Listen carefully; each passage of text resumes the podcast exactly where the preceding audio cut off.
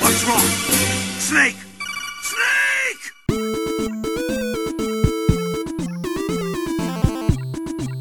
Drodzy słuchacze, jest e, wtorek, 26 września i zjawiliśmy się tutaj, żeby nagrać wam najnowszy odcinek Gorących Krzeseł.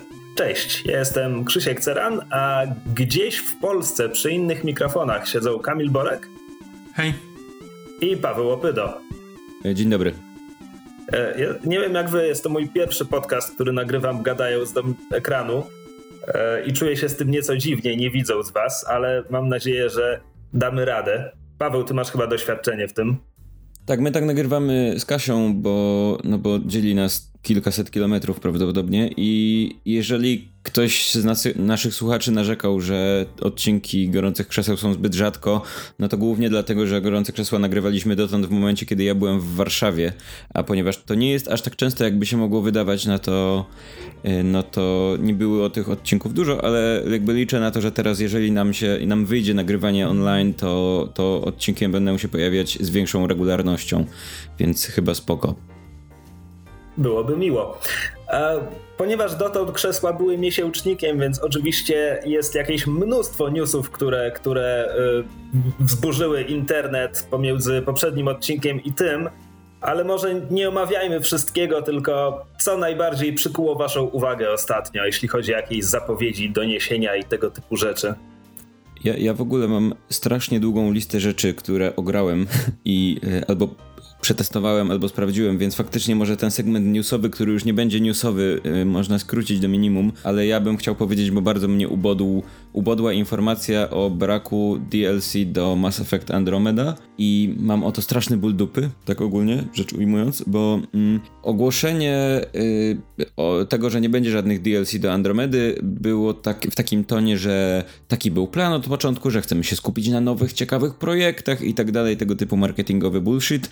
Przy tym ja mam wrażenie, że gdyby Andromeda niesamowicie się sprzedała i dostała świetne recenzje, to dostałaby też jakieś DLC i, i ich nie ma, a ja uważam, że to również po części dlatego, że to jest, według mnie to jest niedoceniona gra, to znaczy to jest gra, która została przez dużą część społeczności graczy y, zrecenzowana przed premierą na podstawie screenów i śmiesznych animacji, które i tutaj jakby żeby nie było wątpliwości, ja oczywiście wiem, że te wszystkie problemy techniczne, które były są y, są mm, winą BioWare'u i jasne, ta gra była niedorobiona na początku i, i łatana przez pewien czas, co nie zmienia faktu, że ma też w sobie masę bardzo fajnych rzeczy i jest tak naprawdę w gruncie rzeczy bardzo dobrym RPG-iem i ja się przy niej niesamowicie bawiłem.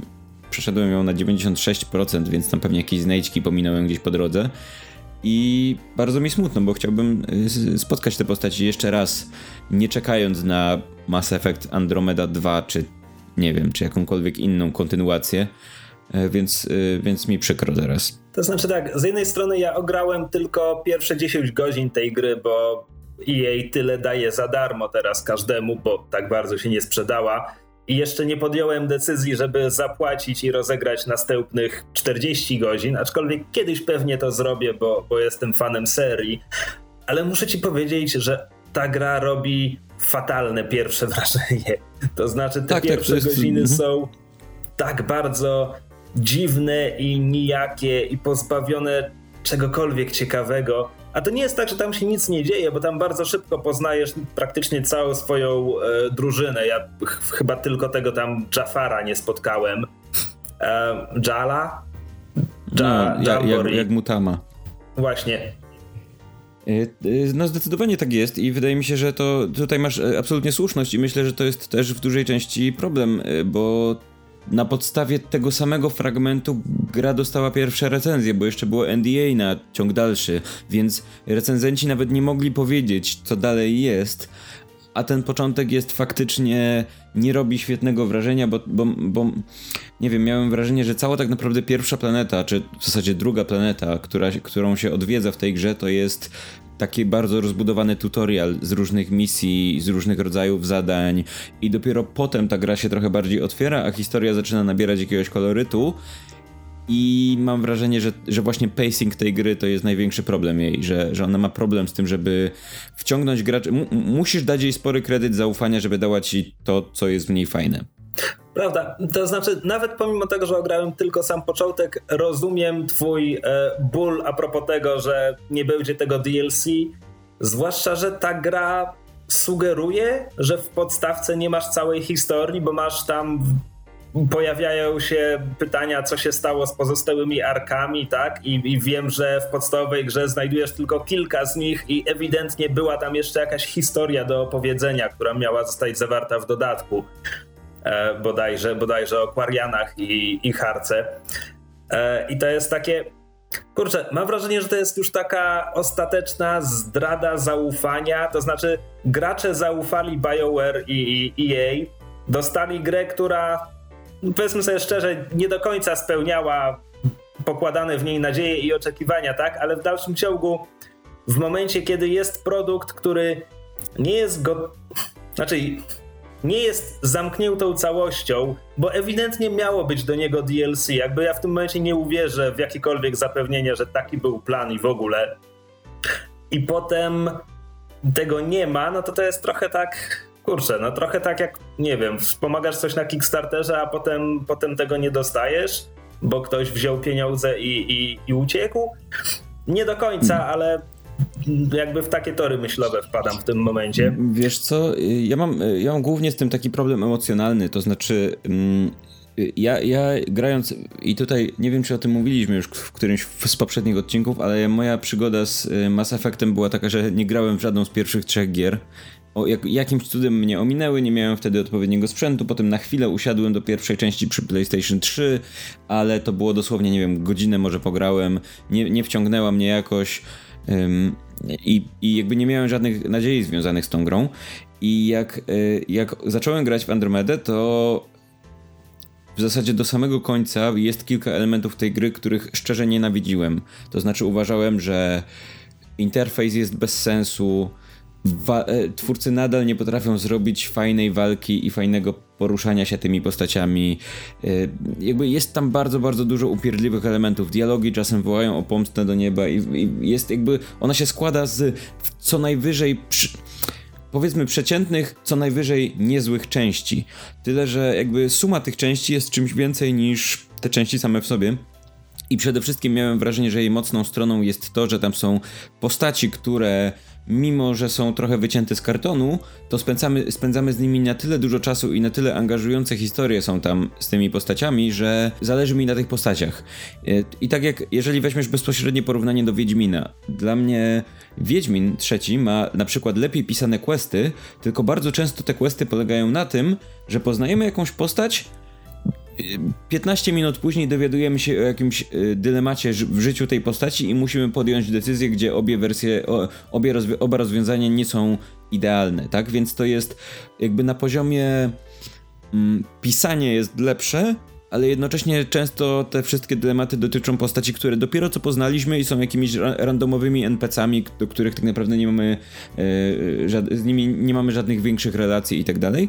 Tymczasem w Mass Effectie tych dylematów jest zdecydowanie mniej i są zdecydowanie bardziej sztampowe, ale jednocześnie mamy te, ten cały y, szereg postaci, z którymi spędzamy bardzo dużo czasu. Więc ja i, i jakby angażujemy się w relacje z nimi. I ja w tej chwili nie mam, nie mam takiego poczucia, że, yy, że wow, pograłbym sobie, bo nie wiem, postrzelałbym albo odkryłbym jakąś nową planetę, albo chciałbym się dowiedzieć, co się stało z tamtą arką tej rasy, której nawet za bardzo nie znam, bo nie grałem w poprzednie części mój, mój problem teraz polega na tym, że jakby zostawiłem te postaci, które bardzo polubiłem z takim ok, zobaczymy się w ciągu dalszym tej przygody, moja, moja ekipa, moja drużyna i tak dalej, i tak dalej i nagle się okazuje, że nie, że, że to, to było już pożegnanie, być może na zawsze z tymi postaciami. I ja mam teraz z tym problem, bo jakby przywiązałem się do tych postaci, teraz ktoś mi nagle mówi, że y, historii, ciągu dalszego historii z nimi w najbliższym czasie przynajmniej nie będzie, więc przykro. Przykra sprawa. E, I co, na tym chyba zamkniemy ten segment newsowy, żeby przejść do tego mnóstwa gier, które ograłeś. Tak, e, Kamil jest w ogóle chory. Kamil, czy ty w ogóle coś, w coś grałeś, czy cokolwiek? Bo my teraz gadamy o Andromedzie, a ty ten milczysz. W co ostatnio grałem? E, ostatnie, ostatnie, w co najwięcej godzin władowałem, e, to było Hit Signature. Wiem, że Krzysiek też w to grał. Tak, całe dwa wieczory. Bo kupiłem sobie tę grę z zamysłem, że brakuje mi czegoś, co mógłbym odpalać na 15 minut, po czym ostatnie dwa wieczory siedziałem przez 3 godziny przy tym. tak, to ja też władowałem w tę grę. E, Steam mi pokazuje 18 godzin. Kiedy ty ją kupiłeś? Piątek bodajże? Ja przypominam, że ja leżałem od czwartku do niedzieli, leżałem chory w domu, kiedy wszyscy byli na Kopernikonie i, i, nie miałem nic innego do roboty, więc e, tak, to było, to było intensywne, e, intensywne kilka, kilkanaście godzin grania w tę grę. E, I Hit Signature to jest gra Toma Francisa, który jest jednym z prowadzących podcastu Creighton Crowbar o którym wielokrotnie wspominaliśmy w naszym podcaście, bo, bo z jakiegoś powodu lubimy promować konkurencję. Jest również twórcą gry Gunpoint i Morph Blade. Yy, oraz Floating Point. A racja, zapomniałem. Floating Point jest zabawne. To jest taki darmowy drobiażdżek, który można znaleźć na Steamie, bardzo relaksujący.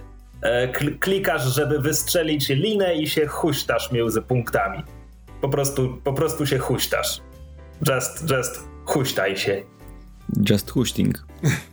tak, więc Hit Signature jest bardziej ambitne, bo to jest zasadniczo symulator heistów na statki kosmiczne. E, I wszystko jest e, generowane proceduralnie. Wszystkie statki, cała galaktyka, misje, które, które, możesz, które masz do wyboru, postaci, wszystko po prostu powstaje, powstaje od początku to ma bardzo prostą taką grafikę, wygląda trochę jak Hotline Miami. Jest właśnie tak z góry, e, patrzysz na swoją postać z góry i strzelasz albo bijesz ludzi. Przy czym w przeciwieństwie do Hotline Miami, tutaj masz e, aktywną pauzę, którą możesz uruchomić w każdym momencie i będziesz to robił i będziesz z niej korzystał dużo i często i to praktycznie zamienia to w grę turową. Hmm. Bo kiedy znajdujesz się w skomplikowanej sytuacji i wyskakuje na ciebie trzech strażników, a jeden z nich już strzelił i tylko piksele dzie dzielą twoją postać od tej kulki, którą zaraz zarobi, wciskasz spację i kombinujesz co dalej. Tak, i to jest gra inspirowana jakby wszelkiej maści immersive simami, bo tym się Tom Francis fascynuje, czyli właśnie przede wszystkim jakby Dishonored. Myślę, że jakby Dishonored ma tutaj największy wpływ na to, na to co zrobił. E, ale też właśnie wszystkie tam System Shocki, Bioshock i tak dalej, w każdym razie gry, które dają ci dużo możliwości do radzenia sobie e, z problemami, które, które napotykasz na swojej drodze. E, I tutaj rzeczywiście jest tego bardzo dużo. Masz wszelkiej maści najróżniejsze teleporty i każdy teleport działa trochę inaczej. E, bo na przykład masz teleport, który po prostu teleportuje cię w dowolne miejsce, ale pod warunkiem, że jest do niego otwarta droga. Znaczy nie ma na drodze żadnych zamkniętych drzwi, e, to możesz się, możesz się przeteleportować e, dowolnie. Ale masz też teleport, tak zwany visitor, który teleportuje cię gdzieś, niezależnie od tego, czy są po drodze zamknięte drzwi, czy nie, ale tylko na dwie sekundy. Więc możesz wpaść, zrobić rozpierduchę i cię przeteleportuje z powrotem tam, gdzie zacząłeś. E, albo na przykład swapper, który po prostu zamienia ci miejscami z, e, z innym przeciwnikiem. I to na przykład daje ci fajne możliwości w połączeniu z tą aktywną pauzą, bo na przykład jeśli ktoś do ciebie strzela, to możesz zapauzować, wyciągnąć swój swapper, zamienić się z nim miejscami i wtedy ta kula, która leciała w ciebie, zabije tego, który ją wystrzelił. E, I tego typu rzeczy ta gra jest pełna. Tego typu manewrów. Znaczy masz po prostu całą masę narzędzi, broni, które, które po prostu pauzujesz grę, zbiega się na przykład do ciebie, coś ci nie wyszło, więc zbiega się do ciebie pięciu przeciwników. No i teraz przeglądasz swój ekwipunek, pauzujesz grę i po kolei kombinujesz, jak się z tego wykaraskać. Tak, i ekwipunek dzieli się na przedmioty jednorazowego użytku albo nawet wielokrotnego, tylko że jak je zużyjesz, to je tracisz oraz na takie, które się odnawiają pomiędzy misjami. Tego ekwipunku jest cała masa, przy czym to są głównie niezliczone wariacje tych samych urządzeń. E, I zresztą to samo można powiedzieć o misjach, bo, no bo Kamil powiedział, że, że tam rozmaite misje gra ci losuje, ale to wszystko sprowadza się do tego, że włamujesz się na statek i tam musisz znaleźć przedmiot lub osobę i ukraść przedmiot, porwać osobę, uratować przetrzymywaną osobę, zabić osobę, ewentualnie jest jeszcze ukra ukradnij statek. I to są jakby trzy podstawowe schematy, tylko do nich dochodzą rozmaite modyfikatory, bo na przykład jest powiedziane, że dostaniesz dużo, wie, dużo większe wynagrodzenie, jeśli nie zabijesz nikogo. To może być też misja na zamordowanie kogoś, wtedy jest, że nie zabijesz nikogo poza celem, e, albo że strażnicy nie podniosą alarmu podczas całej misji, albo, mój ulubiony ostatnio, e, że nie pozostaną żadni świadkowie, którzy cię widzieli. W sensie nie pozostaną przy życiu. To nie znaczy, że masz być cichy. Możesz być cichy, ale równie dobrze możesz tam wejść z granatnikiem i po prostu jeśli na statku nie zostanie nikt żywy, to wypełniłeś misję razem, razem z dodatkowym celem. To jest po prostu taki generator e, generator po prostu tragiczno-komicznych sytuacji. Znaczy, no, to są misje w stylu, jeśli no, muszę na przykład coś ukraść, wchodzę na statek i widzę, okej, okay, dobra, muszę przejść w punkt B. Po drodze mam dwie grupy strażników, więc wyciągam granatnik. Najpierw ten, znaczy mam jeden granat, więc zabijam pierwszą grupę strażników. Druga zaczyna do mnie biec, włączam e, tarczę i po prostu próbuję im uciec, e, żeby nie mogli, nie mogli zastrzelić. Tarcza tam działa przez kilka sekund, więc po prostu jak najszybciej przebiegam obok nich.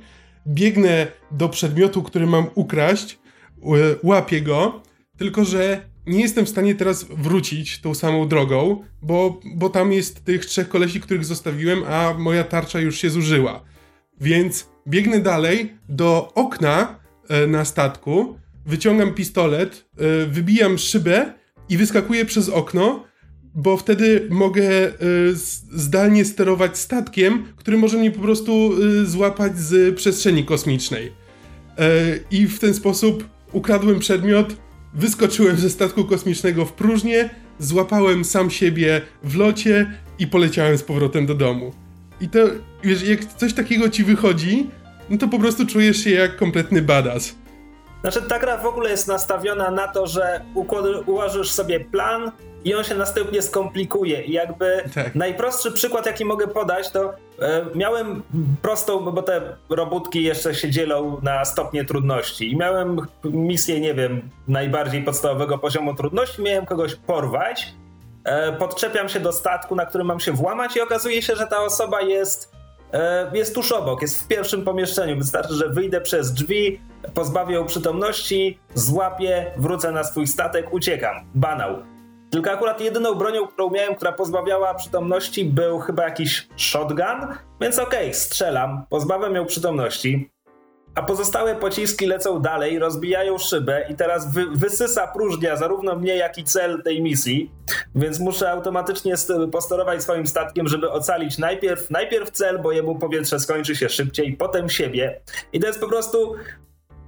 Mia, miałem zrobić jedną rzecz na tym statku, tak? A i tak nie wyszło. Nie wyszło tak, jak założyłem początkowo.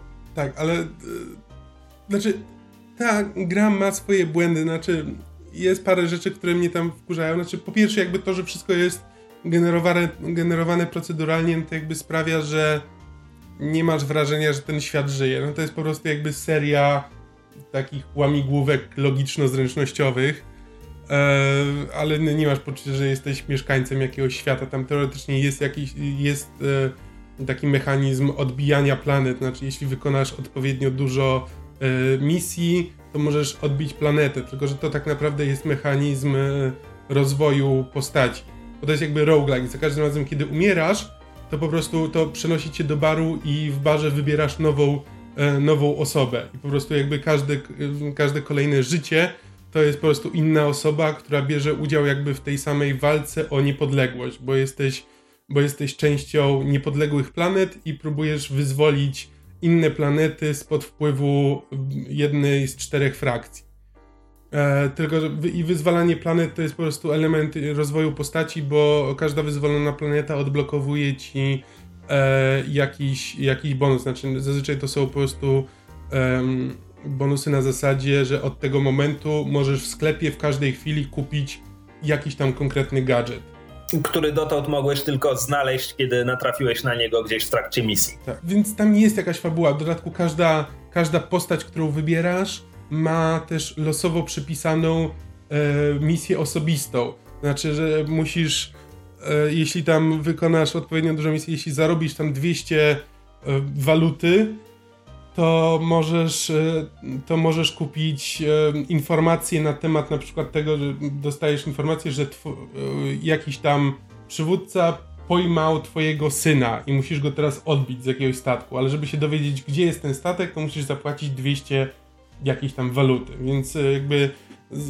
jak ci się uda zarobić, no to odblokowujesz sobie tą misję i to są, to są chyba najtrudniejsze misje w grze, zawsze te osobiste. No, tylko, że to też to nie masz wrażenia, że to w jakiś sposób sprawia, że twoja postać ożywa, bo tych misji jest cała masa. Mi się chyba nie udało jeszcze ani razu jej wykonać. A nie, chyba raz mi się udało, ale jakoś nie, nie czułem z tego powodu większej satysfakcji. To znaczy, tam ewentualna ciągłość fabularna może się pojawić, jeśli któraś z Twoich postaci zostanie złapana w trakcie misji i wtedy ją tracisz, ale jakaś kolejna postać wygenerowana przez grę może mieć jako swoją misję osobistą ocalenie tej twojej poprzedniej. I to wtedy wtedy gra zaczyna pisać jakąś historię. No ale tak, to jest jakby misja osobista, bardzo ważna, dlatego zlepka pikseli, pomścić matkę, ocalić brata czy coś, no ale to jest wszystko losowane proceduralnie i to jest takie, to są hasła, po prostu rzucone hasła, to nie, one nie tworzą postaci. Mhm. Też to zauważyłem i dlatego myślę sobie, że po tym pierwszym takim entuzjastycznym zachłyśnięciu się gr grą, ja za parę dni wrócę do tego wyjściowego założenia, czyli intensywnie w to pogram jeszcze przez parę dni, a potem faktycznie będę do tego wracał na, na 15 minut, kiedy będę miał wolną, mhm. e, nie wiem, przerwę obiadową czy, czy coś w tym rodzaju. E, zwłaszcza, że to jest, mikroskopijne, to ma tam, nie wiem, 250 mega zajmuje na dysku, więc może mi tam leżeć wiecznie. A nie, ale bardzo polecam, to jest fajne, to jakby tam, tam jest, parę, jest parę błędów, na przykład, e, nie moim zdaniem e, są przeciwnicy, którzy są opancerzeni i na opancerzonych przeciwników działają tylko albo granaty, albo broń przebijająca pancerz, no oczywiście wyrzucenie ich w kosmos też działa, ale to, to jest czasem ciężko zrobić. E, I też są przeciwnicy z tarczami, które po prostu są na stałe wyłączone i to też musisz mieć wtedy odpowiedni gadżet, który wyłącza te tarcze, żeby móc go zabić. E, radzenie sobie z nimi jest na tyle trudne, że ja zazwyczaj jak widzę taką misję, to po prostu jej nie wybieram. To wybieram e, inną misję równie trudną, ale w której nie ma opancerzonych przeciwników, bo jakby to radzenie sobie z nimi do tej pory w ogóle nie było dla mnie ciekawe. Znaczy to jest tak, że albo mam odpowiedni gadżet i wtedy jest łatwo, albo go nie mam i wtedy muszę kombinować z na przykład wysadzaniem e, pokoi, bo w niektórych pokojach są generatory, które jak wysadzisz to po prostu rozwala cały pokój i wysysa wszystko co w nim było w próżnię. Ale to, ale wtedy musisz mieć szczęście, żeby akurat był taki pokój w pobliżu, albo jakieś okno, albo żebyś i po prostu jak nie masz gadżeta, to wtedy. No, albo możesz się przekraść. Możesz wtedy pójść na skradanie i, i unikanie kon konfliktu. Ja, brzmi nudno. No, niby tak. Jakoś nie wiem, miałem po prostu, miałem po prostu wrażenie, że jakby są, są tacy przeciwnicy, gdzie jakby jeśli nie mam odpowiedniego gadżetu, no to to nie bardzo mam czym improwizować. To mi tak trochę. Znaczy, wiem wiem o czym mówisz, bo, bo też użeram się z tymi strażnikami, zasłonami i, i pancerzem.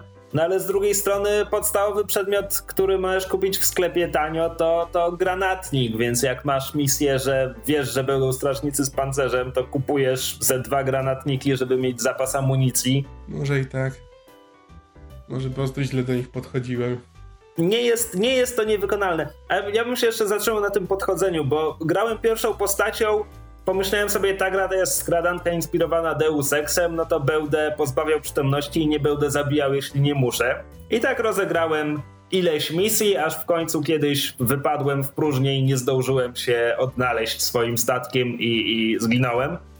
I potem wybierałem kolejną postać i widzę, że ona ma w swoim ekwipunku startowym ma miecz i pistolet. I tak sobie myślę, okej, okay, to nie jest gość, który będzie się skradał. I, I nagle zacząłem grać na, na eliminowanie wszystkich e, jak najbardziej brutalnie, w tym, w tym wysadzanie całych pomieszczeń. I sprawiło mi to dużo frajdy. Okazuje się, że zabijanie ludzi jest bardzo satysfakcjonujące, kto by przypuszczał. E, ale przy okazji jakoś właśnie ta wymiana postaci coś mi odblokowała w głowie na zasadzie, że okej, okay, spróbuję czegoś, czego zazwyczaj nie robię, bo gram teraz kimś innym. I tak sobie myślę, że może właśnie ta, ta żonglowanie tymi postaciami jakoś tak ułatwi mi eksperymentowanie z różnymi sposobami, bo szczerze mówiąc, ja nie jestem osobą, która eksperymentuje w grach. To znaczy, jak znajdę podejście, które mi odpowiada, to zazwyczaj już się go trzymam. Mhm. A tutaj widzę, że jak raz na jakiś czas będę kogoś po prostu tracił razem z całym fajnym ekwipunkiem, który już zebrałem, to widzę, że z nową postacią będę prawdopodobnie szedł w inną stronę. Od choćby dlatego, że jej startowy ekwipunek sugeruje, że powinna robić coś innego. Znaczy, jest, jest w tym trochę prawdy, też to zauważyłem. Wiesz, jakby od razu, jak wybieram nową postać, to natychmiast mi się kształtuje w głowie jakiś e, jakaś taka wizja tego, okej, okay, tą postacią będę w takim razie grał w ten sposób. I automatycznie, automatycznie zaczynasz patrzeć inaczej na, inaczej na grę. Coś w tym jest. W każdym razie myślę, że obaj polecamy ten tytuł. Tak, jak najbardziej. Nie, to jest e, naprawdę świetna gra. Nie jest droga. E, ona tam kosztuje na Steamie, kosztuje chyba 13 euro. Coś takiego. E, a, a naprawdę można, można poświęcić, poświęcić na nią dużo czasu, e, więc, więc to jest dobra inwestycja. Paweł, ty grałeś w jakieś mnóstwo gier. Tak, ja grałem w mnóstwo gier, i, ale postaram się ograniczyć tę listę, bo niektóre z nich to są gry, o których spokojnie mogę powiedzieć w innym odcinku, odcinku ale jeżeli jesteśmy przy okazji przy, przy temacie kosmosu i rzeczy, które bardzo wciągają, to ja pograłem w mm, StarCrafta po raz kolejny, dlatego że parę tygodni temu wyszedł StarCraft Remastered, czyli yy, odświeżona wersja StarCrafta klasycznego y, z dodatkiem y, i dostałem y, egzemplarz od Blizzarda, bardzo dziękuję z tego miejsca. Wygraliście w StarCrafta za, za dzieciaka w kafejkach internetowych? Za dzieciaka trochę grałem, ale tylko w singla, bo ja ten wstydzę się ludzi i zasadniczo nie gram po sieci. Znaczy, ja też grałem, grałem w singla dosyć dużo w kampanię. Próbowałem zagrać w multiplayera, grałem w multiplayera z kolegą, który grał już wtedy w multiplayera bardzo dużo. E, no więc na początku zacząłem, zacząłem grać chyba protosami, on był zergami. Zrobił, mi, zrobił, zrobił mi zergrasza na początku i po prostu mnie rozwalił, więc e, w odpowiedzi w następnej grze postawiłem całą masę e, wieżyczek, na co on e, zbudował armię, nie pamiętam, to chyba były mutaliski, takie latające latające zergi, które miały większy zasięg niż moje wieżyczki, więc po prostu mnie rozwalił, a ja nie mogłem, a ja nie miałem nic, czym mógłbym latające, e, latające stwory zniszczyć i wtedy stwierdziłem, że multiplayer nie jest dla mnie i nigdy więcej do niego nie usiadłem. E, tak, mam, mam też takie wrażenie, że multiplayer w StarCraftie to jest coś, co sporo wymaga, bo musisz się tak naprawdę nauczyć właśnie co, w które, u której z tych raz kontruje co mhm. i z reguły no, uczenie się tego oznacza dostawanie pierdolu, aż się nauczysz. Mm, tak. I, i jakby, no i też inny jest pacing, no bo wiadomo, że w grze singlowej jesteś w stanie sobie tam zbudować ładną bazę, potestować różne rzeczy. Mm, w grze online raczej jest tak, że musisz zrobić szybki scouting, sprawdzić, co przeciwnik próbuje robić i, i zareagować na to, ale on wtedy wie, że ty wiesz, więc też zareaguje, więc musisz przewidzieć, co on jak on zmieni swój plan, wiedząc, że ty wiesz, jaki on ma plan i tak dalej, i tak dalej. I to jest cały czas to kontrowanie się nawzajem. E, ja trochę grałem w e, multiplayerowego StarCrafta, chociaż na tyle tego teraz nie pamiętam, że jestem pewien, że dostałbym absolutnie w pieprz, gdybym wszedł na Battle.neta w ogóle. I. Mm, I co? I teraz odpaliłem StarCraft Remastered. I to jest bardzo ciekawa, bardzo specyficzna sytuacja, bo ten remaster absolutnie nic nie zmienia, nic nie zmienia w grze wprowadza po prostu e, wsparcie wyższych rozdzielczości, wprowadza chyba muzykę nieco lepszej jakości, na pewno zdecydowanie lepszej jakości tekstury, czy no, no, nie, nie tekstury, bo to jest 2D, e, obiekty powiedzmy wyższej jakości, obrazki wyższej jakości. Przy tym to jest tak, że. Sprite? Czy to jeszcze sprite były? W Być może, chyba, chyba tak. E, tylko, że to jest taka kwestia, że odpalając Siadaj, dziadku, opowiedz nam o sprite'ach. tak. E, odpalając StarCraft Remastered, prawdopodobnie StarCraft 1 w waszych głowach jest, wygląda lepiej niż wygląda faktycznie. Więc odpalając StarCraft Remastered, być, w pierwszej chwili możecie nie zorientować się, że, że to nie jest ten StarCraft, który poprzednio. Zwłaszcza, że na Battle.necie to wygląda tak dziwnie, że jeżeli macie aplikację Battle.net, to po prostu stary StarCraft jest zamieniony na nowy. Więc tak naprawdę włączasz grę i nie jesteś pewien, czy on, czy to jest ten nowy StarCraft, czy stary. I jest to trochę nieczytelnie według mnie zrobione, ale odpalasz grę i widzisz, ok, nic się nie zmieniło. Dobra, czy mam gdzieś tu. Nie ma, nie ma ikony, nowe, nie, nie ma nowego menu, nie ma. Jakby wszystko jest dokładnie tak samo, tylko lepiej, yy, ładniej powiedzmy. Co, co nie jest niczym złym, bo ta gra nadal jest fenomenalna i nadal jest, nadal się w nią świetnie gra i nadal wciąga tak samo. I, i to bardzo fajne jest, że wprowadzili, że, że bo tam jest kilka rzeczy.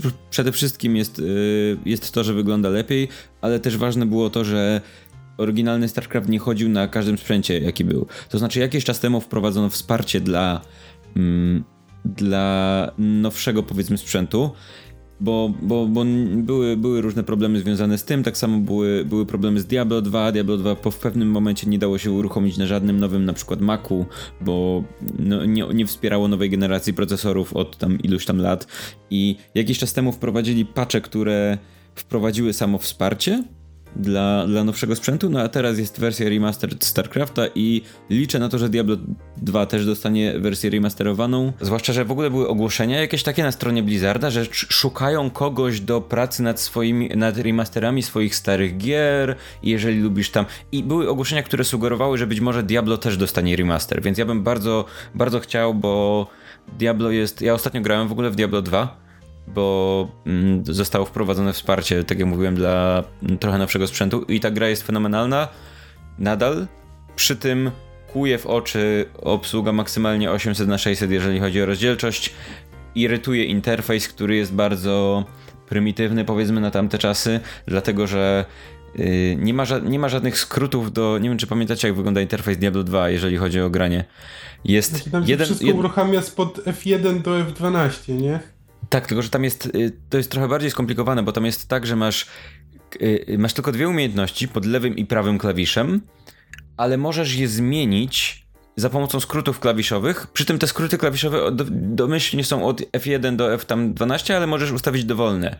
Więc czasem się ustawia na przykład kuwerty czy coś takiego, żeby były bliżej. Tylko, że to wygląda tak, że jeżeli masz umiejętność pod lewym przyciskiem i chcesz y, użyć innej, to naciskasz w na przykład i wtedy pod twoim lewym przyciskiem jest ta inna, ale żeby wrócić do tej poprzedniej musisz znów nacisnąć Q, więc tak naprawdę po, nie używasz umiejętności za pomocą skrótów klawiszowych, tylko podmieniasz umiejętności pod lewym i prawym przyciskiem myszy, mhm. co bywa upierdliwe i zwłaszcza, że tam się używa tych umiejętności bardzo dużo w przeciwieństwie do Diablo 3, gdzie wybierasz sobie 6 umiejętności i z nich korzystasz przez cały czas. Możesz je przełączać w dowolnym momencie, w mieście powiedzmy, ale jakby build jest oparty na sześciu umiejętnościach.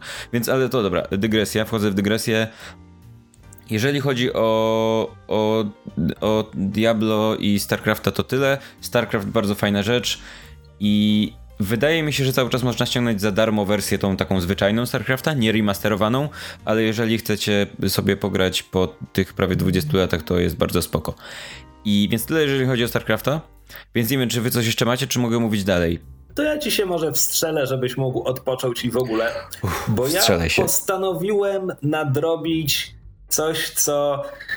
Ach, mia miałem wrażenie, że, że to jest taka plama na honorze, że nigdy nie rozegrałem do końca The Last Express Jordana McNera. E, dziwną przygodówkę sprzed okrągłych 20 lat, która, która oczywiście jest dostępna na Gogu za nie wiem 6 zł z groszami pewnie E, więc po prostu nie miałem żadnych wymówek. Poza tym, że jest to gra dziwna i ma porąbany interfejs e, i, i parę innych rzeczy. E, więc tak, to jest gra, którą on wydał w 1997, natomiast robił ją chyba przez 4 albo 5 lat, bo były problemy techniczne, której akcja toczy się w przeddzień wybuchu I wojny światowej na pokładzie, czy, czy mówi się, że coś się dzieje na pokładzie pociągu? W każdym razie E, w Orient Expressie Słucham? Nie, w pociągu się mówi, nie na pokładzie pociągu. A, dobrze. No to tak, tak. E, akcja toczy się e, w pociągu Orient Express relacji Paryż, e, wtedy jeszcze Istanbul. Nie, wtedy jeszcze Konstantynopol. Nie wiem, nieważne. I gramy tajemniczym Amerykaninem, prawdopodobnie doktorem, który wsiada te, do tego pociągu nie na peronie jak normalny człowiek, tylko podjeżdża jakaś tajemnicza rudowłosa kobieta, podwozi go motocyklem i on wskakuje do pociągu. Wiemy, że z rzeczy, które ma przy sobie, czytaj telegramów, e, dowiadujemy się, że ma się tam spotkać ze swoim przyjacielem, który wplątał się w jakąś aferę i mówi, że to jest coś bardziej w stylu tego naszego bohatera, więc on by pewnie będzie zainteresowany. Idziemy do jego przedziału i tam znajdujemy go martwego. A nasz tajemniczy bohater w tym momencie stwierdza, że to, co powinien zrobić, to podszyć się pod swojego martwego przyjaciela, żeby dowiedzieć się, co właściwie się wydarzyło, co tu zaszło, o co chodzi, jak zginął, kogo ukarać i tak dalej. Po czym wplątuje się. Coś, co ma sens. Po czym wplątuje się nie w jedną, nie w dwie, ale mam wrażenie, że w trzy luźno ze sobą związane intrygi, bo okazuje się, że tym pociągiem jedzie masa ciekawych i podejrzanych indywiduów, bo jest jakiś tajemniczy E, hrabia czy, czy jakiś inny arystokrata, który ma dla siebie cały prywatny przedział. E, jadą tam również, jedzie tam również e, rosyjski arystokrata ze swoją wnuczką, rosyjski anarchista, serbs, serbscy nacjonaliści, jakiś bardzo wścibski angielski gentleman, po prostu masa barwnych indywiduów. I my sobie chodzimy i że tak powiem, wpadamy na ludzi i próbujemy się połapać o co chodzi. I teraz tak. E, to jest gra, którą wydało to samo studio, które wydało Mista i inne tego typu gry. I to jest przygodówka, która mechanicznie jest właśnie podobna do Mista. To znaczy, w tym pociąg jest na torach i nasza postać też jest na torach, tak? Mamy perspektywę z pierwszej osoby, możemy klikać brzegi ekranu, żeby teleportować się o metr w jakimś kierunku.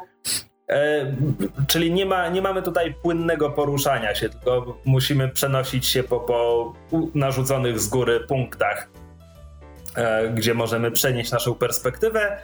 Natomiast kiedy nasz bohater zaczyna z kimś gadać, albo czasami kiedy wchodzi w interakcję z otoczeniem, e, to perspektywa się zmienia i nagle oglądamy animację z perspektywy trzeciej osoby. Przy czym animacja to też jest słowo, które nie do końca oddaje tę grę, bo tutaj to jest tak. Cała ta gra została zagrana przez aktorów, którzy zostali następnie przeniesieni, przerysowani, tak że gra wygląda na ręczną animację. Znaczy, to jest ręcznie zrobione, tylko że to nie jest animacja, bo tutaj powiedzmy, że pierwsze, pierwsze działanie w grze znajdujemy trupa naszego przyjaciela i postanawiamy wyrzucić zwłoki przez okno to ta akcja, podniesienie, znaczy wyrzucenie zwłok przez okno, na nią poświęcono, mam wrażenie, pięć klatek animacji. To nie jest animacja, to są bardziej slajdy, które płynnie przechodzą jeden w drugi. E, jest to ciekawy zabieg. Wygląda to. Czy, tak? Mam pytanie, czemu wyrzucasz ciało swojego przyjaciela przez okno? No bo jeśli ktoś znajdzie ciało twojego przyjaciela w przedziale, to najprawdopodobniej zostaniesz e, aresztowany jako osoba, która jest teraz w tym przedziale i podaje się za tego martwego człowieka. Aha. Natomiast okay. możesz, możesz je również ukryć e, pod swoją pościelą. E, więc e, czas, czasami pojawiają się tutaj e, wybory, tak? E, Moralne. Mamy, mamy nieliniową fabułę. Właśnie, nieliniowość ta gra jest jednym wielkim eksperymentem i na przykład eksperymentuje z czasem. To znaczy, ta gra, czas ciągle płynie w tej grze i wszyscy bohaterowie, poza, poza naszym głównym bohaterem, mają przypisane e, mają przypisany swój tryb życia. Oni będą wykonywać pewne akcje, niezależnie od tego, czy my będziemy w tym samym wagonie, żeby je zaobserwować, czy nie. To oznacza, że możesz przez całą grę siedzieć w miejscu, aż pojawi ci się jakimś, jakiś game over, bo czegoś nie zrobiłeś. E, to oznacza również, że trzeba raz po raz eksperymentować co ułatwia mm, możliwość cofnięcia czasu do niemalże dowolnego punktu e, dowolnego punktu w grze. Kiedy mamy jakiś game over, wychodzimy do głównego ekranu gry, tam jest taki e, ozdobny zegar i możemy cofnąć wskazówki e, i puścić sobie po raz kolejny tam, nie wiem, ostatnich 15 minut gry czy, czy coś takiego i zobaczyć, co przegapiliśmy. Pociąg nagle wybuchł w tajemniczych okolicznościach, może gdzieś była bomba, którą trzeba było znaleźć i rozbroić. Kto wie? Jest to wszystko.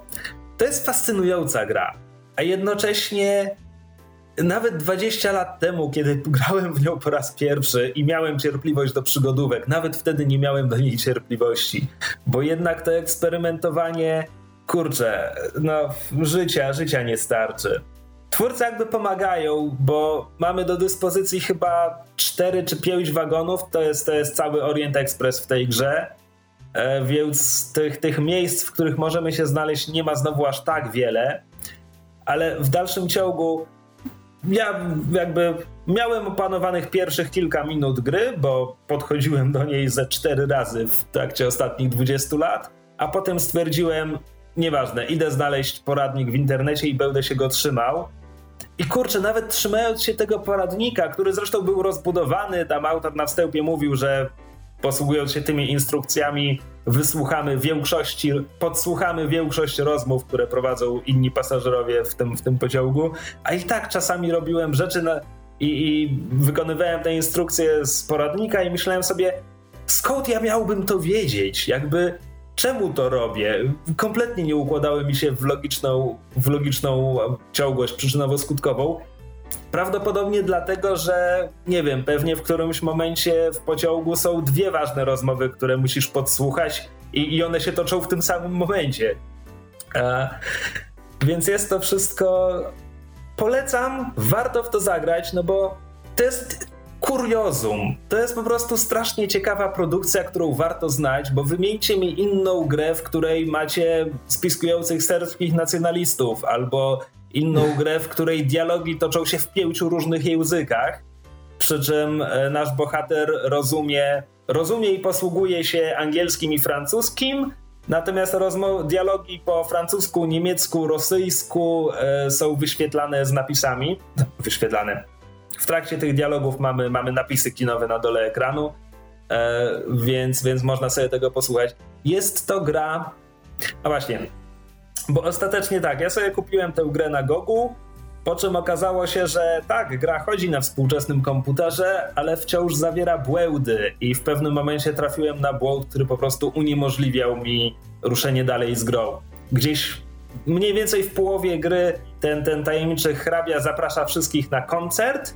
Ten koncert trwa mniej więcej 20 minut czasu rzeczywistego i kiedy tam wszyscy się zbierają w jego wagonie, to jest moment, kiedy, kiedy gracz ma buszować po pociągu, włamywać się do nie swoich przedziałów i robić rzeczy.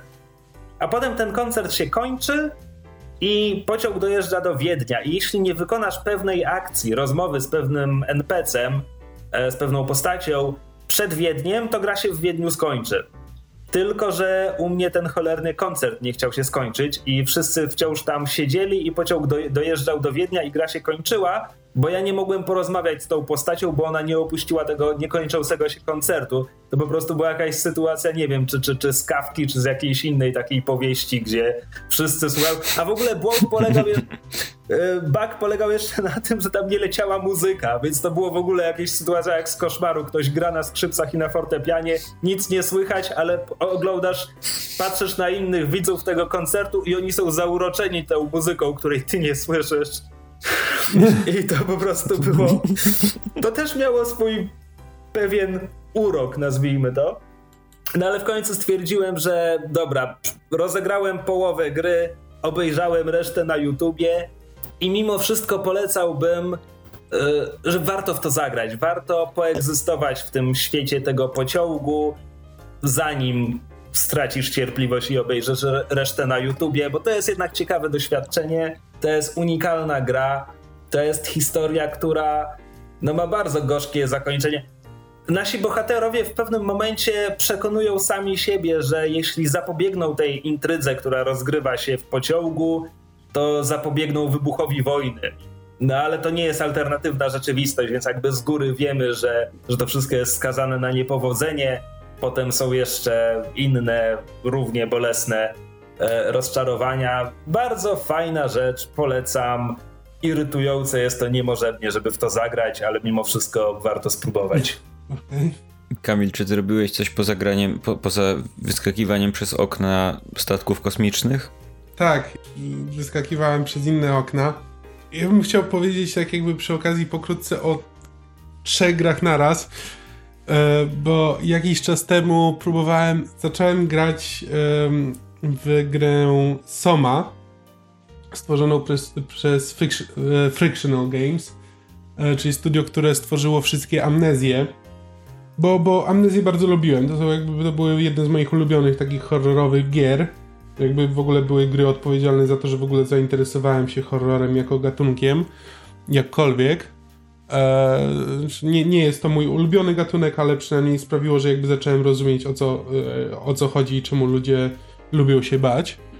Więc jak wyszła ta sama, no to stwierdziłem, że okej, okay, no to sobie wrócę, zobaczę co, e, tylko, że jakoś mam wrażenie, że ten horror w wykonaniu Frictional się trochę źle zestarzał. Znaczy, autentycznie ja tam bardzo mało się bałem, a w większości byłem poirytowany. Bo tam są. Bo wszystko się opiera na tym, że główny bohater gry miał wypadek e, i idzie na jakiś skan mózgu i nagle się budzi w jakiejś podwodnej e, instalacji, w której w, coś się, coś się dziwnego dzieje, e, ludzie e, ludzie pozamieniali się świadomościami z robotami i tam chodzisz i co jakiś czas wypada tam gdzieś słyszysz, że za rogiem jest potwór i musisz się skradać i go unikać. A kiedy patrzysz bezpośrednio na potwora, to ekran zaczyna gliczować i zaczynają się jakieś dziwne dźwięki słyszysz i to wszystko po prostu mnie denerwowało i po prostu nie miałem ochoty w to grać. A chwilę później wyszła gra Observer, e, stworzona przez polskie studio, krakowskie studio bodajże, które jest jakby cyberpunkowym horrorem bardzo mocno czerpiącym właśnie z, z tego gatunku gier stworzonych przez Frictional. Też jakby mamy taki pierwszoosobowy horror, w którym chodzimy, jakby wszystko, nie, nie wiemy do końca co jest prawdą i, i pojawiają się potwory. I przez pierwsze, przez pierwszych kilka godzin, e, ja zaraz nawet mogę powiedzieć ile ja w to grałem, 4 godziny na razie w to grałem. I e, jakby pierwsze te 3 godziny były, były super. Znaczy po prostu klimat, jaki ta gra buduje jest absolutnie nierealny znaczy, no to jest, to jest cyberpunk, ale w Polsce, w Krakowie. I co prawda my jakby nie widzimy żadnych, no nie, to nie, nie ma tam kościoła mariackiego gdzieś w tle z jakimś elektronicznym zegarem czy czegoś takiego. To wszystko się dzieje tam w jednej kamienicy, ale to jest taki cyberpunk e, po prostu zrobiony na, e, na taśmę klejącą i gumę do rzucia. Znaczy, że jak wchodzisz do kamienicy, to, to wszyscy na drzwiach mają takie dziwne E, wizjery zrobione z jakichś e, starych komórek, jakiegoś, jakichś tranzystorów e, i to wszystko jest takie high-techowe, ale, ale poskładane po prostu z, ze śmieci, ze złomów i z jakichś starych, starych monitorów od Atari i tego typu rzeczy. I to, I to jest po prostu cyberpunk, który jakby nie jest może zupełnie nową, nową koncepcją, ale ale na tyle rzadko spotykaną, że, e, że to naprawdę robi wrażenie. E, I jakby wszystko się. Głównego, głównego bohatera gra Rutger Hauer, więc też się go przyjemnie słucha. I tam cała mechanika polega na tym, że no chodzimy po tej kamienicy, tam się dziwne rzeczy dzieją i jak tam spotkamy, spotkamy w końcu jakąś żywą osobę, to właśnie ten Rutger Hauer jest, jest tym obserwerem, który może e, podczepić się do czyjegoś mózgu i jakby zbadać, zbadać zawartość mózgu i jego najgorsze lęki i tak dalej i wtedy przenosimy się do jakiegoś właśnie dziwnego świata i przez te pierwsze trzy godziny jakby tam nie ma przeciwników, to wszystko jest po prostu niepokojące e, i dziwne i, e, i klimatyczne. A potem w końcu, po ty, w tej czwartej godzinie pojawia, pojawia się pierwszy wróg. I po prostu jakiś, jakiś wielki, jakaś wielka góra mięcha, które musisz się skradać i unikać. I ja na tym, i na, ja na tym etapie odpadłem, bo po prostu mi się nie chciało, bo to jest wtedy gra się zamienia w, w dosyć nudną skradankę, no bo nie masz żadnych umiejętności, które by to skradanie jakoś y, urozmaicały, więc po prostu się skradasz, próbując uniknąć wielkiego potwora. Nie ma już tego klimatu, bo, bo po prostu jesteś w jednym pomieszczeniu i próbujesz się przekrać, więc po prostu patrzysz głównie na podłogę i spody biurek w jakimś, w jakimś biurowcu i wtedy kompletnie straciłem zainteresowanie. Jakby wychodzi mi po prostu na to, że jakby z horrorów, z horrorów to ja głównie lubię klimat. I dlatego najbardziej mi podeszła gra Inside. Bo to jest z kolei. Smutne dziecko biegnie w prawo? Tak. To jest, to jest gra twórców Limbo i bardzo mocno y, czerpię z tej, y, z tej gry. Bo tak, zaczynamy po prostu. Gra się zaczyna przejmujemy kontrolę nad dzieckiem. Cała, cała grafika, jakby wszystkie postaci mają taki mocno kukiełkowy wygląd.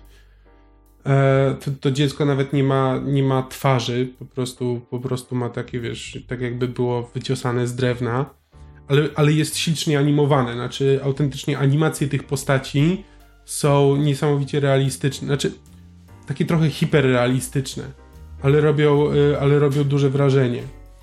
I, I na początku po prostu biegniemy przez las i nagle trafiamy na ciężarówkę, która odjeżdża z jakimiś ludźmi i potem i pojawiają się ludzie z psami i jak, jak się nie, nie zdołamy schować e, odpowiednio szybko, to, to nagle taki człowiek podbiega do tego, do tego biednego dziecka, łapie je za twarz i dusi a potem, potem uciekasz przed psem i jeśli ten pies cię dorwie, to też że ta animacja zagryzania tego biednego dziecka przez psa jest bardzo nieprzyjemna. I od tego, i potem robi się coraz dziwniej. Znaczy, ja przy, przez cały czas zastanawiałem się, ok, do czego to prowadzi, co ta gra próbuje powiedzieć. Mam wrażenie, że to jakby skończywszy ją, mam wrażenie, że nic. Znaczy, nie byłbym ci w stanie powiedzieć, o czym jest ta gra, i też nie znalazłem żadnych sensowne, żadnego sensownego wytłumaczenia, żadnej jakby e, opinii kogoś mądrzejszego ode mnie, gdzie bym stwierdził, a okej, okay, dobra, to ma sens.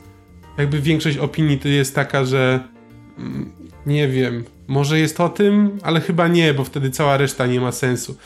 I biegniemy, i to dziecko biegnie po prostu przez jakieś takie budynki pełne ludzi, którzy po prostu beznamiętnie przeprowadzają eksperymenty na jakiś na, na innych ludziach, którzy kroczą jak zombie. E, a, potem, a potem te zombie możemy, znajdujemy hełm i możemy je kontrolować. I dalej, I dalej biegnąc w prawo, obserwując te ładne animacje, patrzymy, co się, co się właściwie dzieje z tymi ludźmi. A finał to jest praktycznie rzecz biorąc e, Stranger Things połączone z filmami Cronenberga. To jest niemal, niemal body horror E, w, w do, z dość uroczą, kukiełkową animacją. I autentycznie, gdybym próbował wam opowiedzieć, o co w tej grze chodzi, to jest trochę tak, jakbym wam próbował opowiedzieć jakiś dziwny sen, który miałem. Na zasadzie, no, że biegłem biegłem przez las, ale potem byłem e, w budynku pełnym ludzi, ale ci ludzie mnie nie widzieli. E, a potem natrafiłem na zombie i musiałem udawać też, że jestem tym zombie, e, a potem był pies i jakaś dziwna dziewczynka w wodzie, która próbowała mnie złapać. I, i, i tak wygląda i tak wygląda ta gra. Ale po prostu e, ale tak mnie złapała, że po prostu byłem cały, grałem w nią no, na tam dwa posiedzenia. W sumie, w sumie przejście całej gry zajęło mi 4 godziny. E, ale bardzo ciężko było mi się od tego oderwać i, e, i po prostu ten klimat, ten klimat robił na mnie takie wrażenie, że po prostu chciałem e, przejść dalej i zobaczyć, zobaczyć co, się, co się dalej wydarzy, mimo że jakby gdzieś tak w połowie gry się zacząłem orientować, że to chyba do niczego nie prowadzi, ale i tak chcę zobaczyć jak to się skończy. Okej. Okay. Czy ty sprawdzałeś na jakie platformy jest dostępna ta gra? Bo Limbo było można było odpalić na wszystkim, począwszy od komórek po konsolę, a, a z, z Inside jest chyba trochę gorzej w tej kwestii, przynajmniej póki co. Nawet nie wiem, czy jest konsolowa wersja, szczerze mówiąc. Mm, Limbo miało zupełnie jakby inną grafikę, miało dosyć, miało bardzo uproszczoną, taką dwuwymiarową, jakby czarne, czarne na białym, jakby widzę, że to mogło pójść na wszystkim. Natomiast Inside, wszystkie lokacje, w których się znajdujesz, są, są ślicznie oświetlone. Woda, woda, w której y, jakby porusza się realistycznie i po prostu przyjemnie się na nią patrzy. Jakby wszystkie, y, po prostu gra korzysta z bardzo wielu e, graficznych zabiegów, żeby zbudować, zbudować właśnie atmosferę miejsc, w których przebywasz. I nie wiem, czy to by na przykład no, no, na Maca spokojnie by to poszło, ale na, już na komórkach to nie bardzo to widzę. Mhm. mhm. Ale nie, czekaj, wiesz co? Teraz widzę, że znalazłem, ma być na Nintendo Switcha i na iOS-a. Okej. Okay. Okej, okay, więc może po prostu stopniowo będą odpalać kolejne wersje. To fajnie, to cieszę się. Na Androidzie to bym tego nie widział, ale na iOSie czemu nie? Dobra.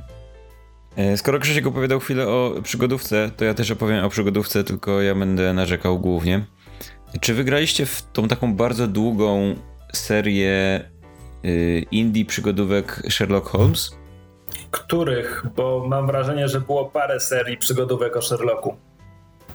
Jest to taka jedna ongoing, która jest teraz, robi to studio takie z taką żabką Frogbites, to się nazywa Wydaje mi się, że Frogwares, ale może być i Frogbites. A, Frogwares, może tak, coś takiego, Frog, chyba tak. To są te Crimes and Punishments, Devil's Daughter i versus Jack the Ripper, to są te tytuły, prawda? No więc nie.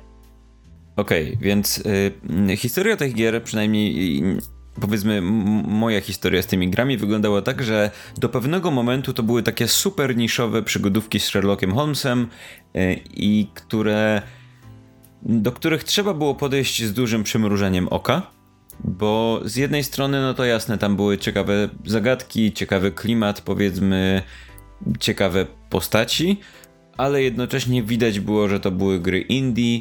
E, pierwsza, z którą miałem taki większy kontakt, to był Sherlock Holmes vs. Jack the Ripper, w którym Sherlock Holmes walczy z Kubą Rozpruwaczem, jak nie trudno się domyślić. I to z jednej strony była gra, w której był świetny klimat chodzenia po Whitechapel nocą i tego, że się chodziło faktycznie po tej dzielnicy, trafiało na jakieś kompletnie abs absurdalnie dziwne postaci, e, ciemność, jakieś, jacyś dziwni ludzie pracujący po nocach albo szwendający się po tych ulicach, ale jednocześnie to wymagało pewnej, pewnej wyobraźni, dlatego że silnik graficzny pozwalał wyłącznie na nie wiem, chodzenie po, po jakby ulicy, zbudowania, zbudowanie ulicy z kilku płaskich tekstur tak naprawdę. I to wymagało cały czas pewnego zaangażowania i pewnego tak jak mówię, y, grania w to z przymrużeniem oka i świadomością, że na przykład y, Watson się teleportuje regularnie, tak? Bo Watson chodzi gdzieś tam za Sherlockiem i raz na jakiś czas y, wychodzisz z pomieszczenia, Watson jest za tobą, wchodzisz do kolejnego pomieszczenia, Watson już w tym pomieszczeniu jest. Trzeba było to traktować mocno z przymrużeniem oka. I wtedy pojawił się Crimes and Punishments, czyli, czyli nie najnowsza, przedostatnia część tej gry. I i nagle się okazało, że hmm, y, Sherlock Holmes wszedł do mainstreamu, w sensie ta seria weszła do mainstreamu. Y, prze, y, gra przesiadła się na Unreal Engine i mm, wyszła wersja na konsolę również zmieniła się, zmieniło się troszkę podejście do historii, pojawiło się wiele bardzo ciekawych pomysłów.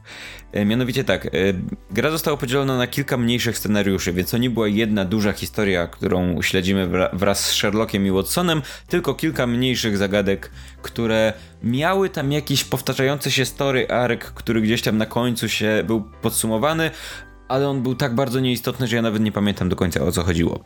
I gra wygląda w ten sposób, że możemy grać Sherlockiem zarówno z pierwszej, jak i z trzeciej osoby.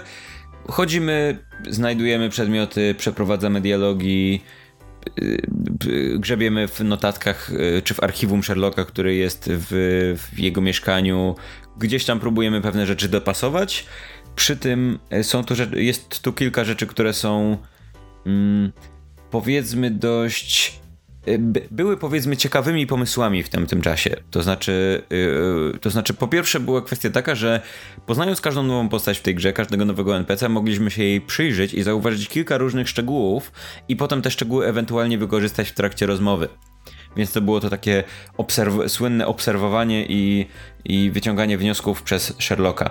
Przy tym to było zdecydowanie zbyt proste, żeby być ciekawe wyglądało to tak, że in, interfejs tego wygląda tak, że poznając nową postać, klikamy tam jakieś klawisz, pojawia się takie taka, taka wizja w zwolnionym tempie, gdzie możemy klikać różne elementy tej postaci i wtedy pojawia się obok napis o, na przykład przybiega dzieciak, widać, że to jest jakiś biedny dzieciak gdzieś tam z Whitechapel, klikamy na, o, ma łat, załatane, załatane yy, tam jakieś, jakąś tam yy, kurteczkę, ma, ma łaty na niej i jest, o, załatana kurtka, to znaczy, że jest biedny, ale rodzice o niego dbają, czyli rodzice go kochają, więc wiesz, że to nie jest jakiś dzieciak, którego rodzice nie lubią. Ale czy gra ci, gra ci zaznacza tę kurtkę jako punkt, na który możesz kliknąć, czy musisz sam wpaść na to, że możesz kliknąć? Musisz wpaść na to, przy tym to jest w ten sposób, że no, oglądasz tę postać i no, no, to z reguły jest pięć charakterystycznych elementów. I, I jakby i potem w trakcie dialogu gdzieś tam są takie momenty, gdzie jakaś postać coś mówi i ty i możesz ją przyłapać na kłamstwie, co polega na tym, że to jest y, quick time event, bo dlaczego nie? I potem możesz wybrać jedną z tych, jeden z tych wniosków, który się wyciągnęło. Jeżeli dobrze dopasujesz wniosek do, to możesz jakby tę postać przyłapać na tym kłamstwie faktycznie, y, bo hej, nie mówisz prawdy, bo na twoim ubraniu było tam coś tam, albo gdzieś tam zauważyłem w twojej kieszeni jakiś tam list i ta postać mówi, aha, no rzeczywiście, ale pan jest mądry, panie Sherlocku. I to tylko, że, tylko to, że to wszystko jest zbyt łatwe, żeby było faktycznie. Mm, jakby rzadko się zdarza, że się mylisz. To, to jest jakby bardzo ci gra to podstawia pod nos. I y, więc znowu, ciekawy koncept, wykonanie takie sobie. Świetną rzeczą jest y, Mind Palace Sherlocka, czy, jak, Sherlocka, czy jakkolwiek to nazwać. To znaczy, y, jest taki, jest taki tryb w tej grze, w której możemy sobie włączyć um, taki ekran, na, której, na którym widać synapsy, czy cokolwiek to jest, ale możemy jakby poukładać sobie całą sprawę, którą y, analizujemy w, w taką sieć. To znaczy, wygląda to w ten sposób, że mamy powiedzmy tak, tworzy nam się taki bąbelek i ten bąbelek ma dwie, y, dwie opcje powiedzmy. I jedna opcja to jest powiedzmy y, Okej, okay, to jest bąbelek pod tytułem Postać X była w miejscu Y przed zbrodnią. I możemy sobie wybrać jedną z dwóch jakby wersji. To był czysty przypadek, bo coś tam, albo ta postać miała coś związanego ze sprawą.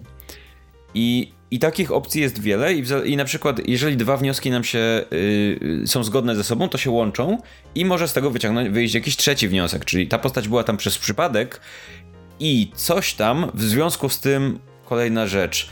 Ale jeżeli te wnioski się nie łączą ze sobą, to jakby robią się, linie się robią na czerwono, widzimy, że coś musimy przestawić.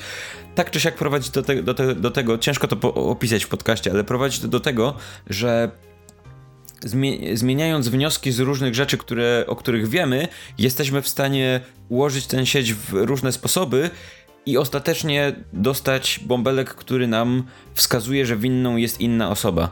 Więc możemy wskazać kilka różnych osób jako winnych w danej sprawie na podstawie tego, jak interpretujemy informacje, które dostaliśmy, i jesteśmy w ten, w stanie, w ten sposób w stanie stworzyć Yy, znaczy wskazać złą osobę i grać dalej, po prostu rozwiązać zagadkę źle, wskazując nawet dowody na to, że ta postać mogła to y, popełnić zbrodnię, ale ominął nas jakiś inny y, dowód, albo wyciągnęliśmy złe wnioski z tych informacji, które mieliśmy i wskazaliśmy złą osobę. Więc gra nie mówi nigdy, w którym momencie mamy już wszystkie informacje. Możemy wnioskować to na podstawie tego, że na przykład mamy jakieś tam poszlaki, które sobie wiszą na liście i nie mamy, nie, nie zostały wykorzystane, więc możemy wnioskować, że prawdopodobnie jeszcze jakieś informacje nam umknęły gdzieś po drodze ale równie dobrze możemy na bardzo wczesnym etapie, jakby zakładając wiele rzeczy, możemy wskazać winnego i możemy tego winnego wskazać źle, ale możemy też mieć szczęście i wskazać go dobrze, ale jakby trochę zgadując, więc to jest jakby takie granie jakby nie, nie, daje to pełnej satysfakcji, no bo oczywiście możesz na dość wczesnym etapie zgadnąć, kto zabił i metodą prób i błędów dojść do tego, ale to jest jakby, to nie jest mądry sposób grania w tę grę, więc to jest znowu bardzo, bardzo fajny pomysł yy, i w tym wypadku akurat nieźle wykorzystany. Czekaj, a w którym, w którym momencie gra ci mówi, że wskazałeś niewłaściwego winnego? To, jest, to wygląda w ten sposób, że jak wskażesz winnego, możesz wybrać, czy, czy chcesz zakończyć tę sprawę, wybierasz tak i potem możesz podjąć decyzję, czy chcesz, żeby gra oceniła twoje to, jak ci to wyszło. Możesz stwierdzić, że nie chcesz, ale możesz dostać ocenę i wtedy na przykład dowiadujesz się, że. Bo tam jest kilka elementów tego, więc możesz na przykład wskazać dobry, jakby zgadnąć w jaki sposób została popełniona zbrodnia, ale wskazać złego winnego, albo możesz na przykład wskazać prawidłowego winnego, ale twoja teoria, jak do tego doszło, jest nieprawidłowa na przykład.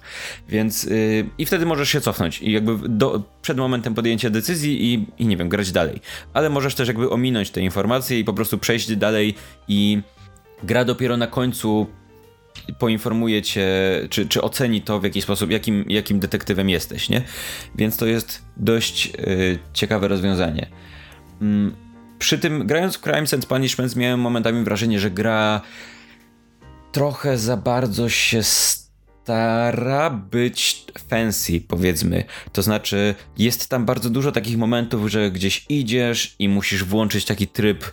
Yy, tryb, masz, masz taki tryb y, jak, jak w Wiedźminie albo w jakichś Batmanach, że nagle wszystko się robi czarno-białe i tylko y, odpowiedni element, istotne elementy otoczenia Sherlock zauważa i możesz je gdzieś tam kliknąć i dojść do wniosku, że w tym miejscu leżała skrzynka i ktoś ją musiał przenieść. I takich, takich trybów widzenia masz chyba dwa, z tego co pamiętam. Dwa, dwa różne. To już nie jest detektyw, to jest predator. Tak, trochę tak. E, jeden, e, ja nie pamiętam dokładnie, bo w, tą, w tę grę grałem już dość dawno i z tego co pamiętam, jeden to jest tryb dedukcji, w którym możesz wyciągać wnioski z rzeczy, których nie ma, a drugi to jest jakby tryb zauważania, gdzie możesz zauważyć rzeczy, które są. I te, te dwa tryby są, jakby nie są połączone w jeden.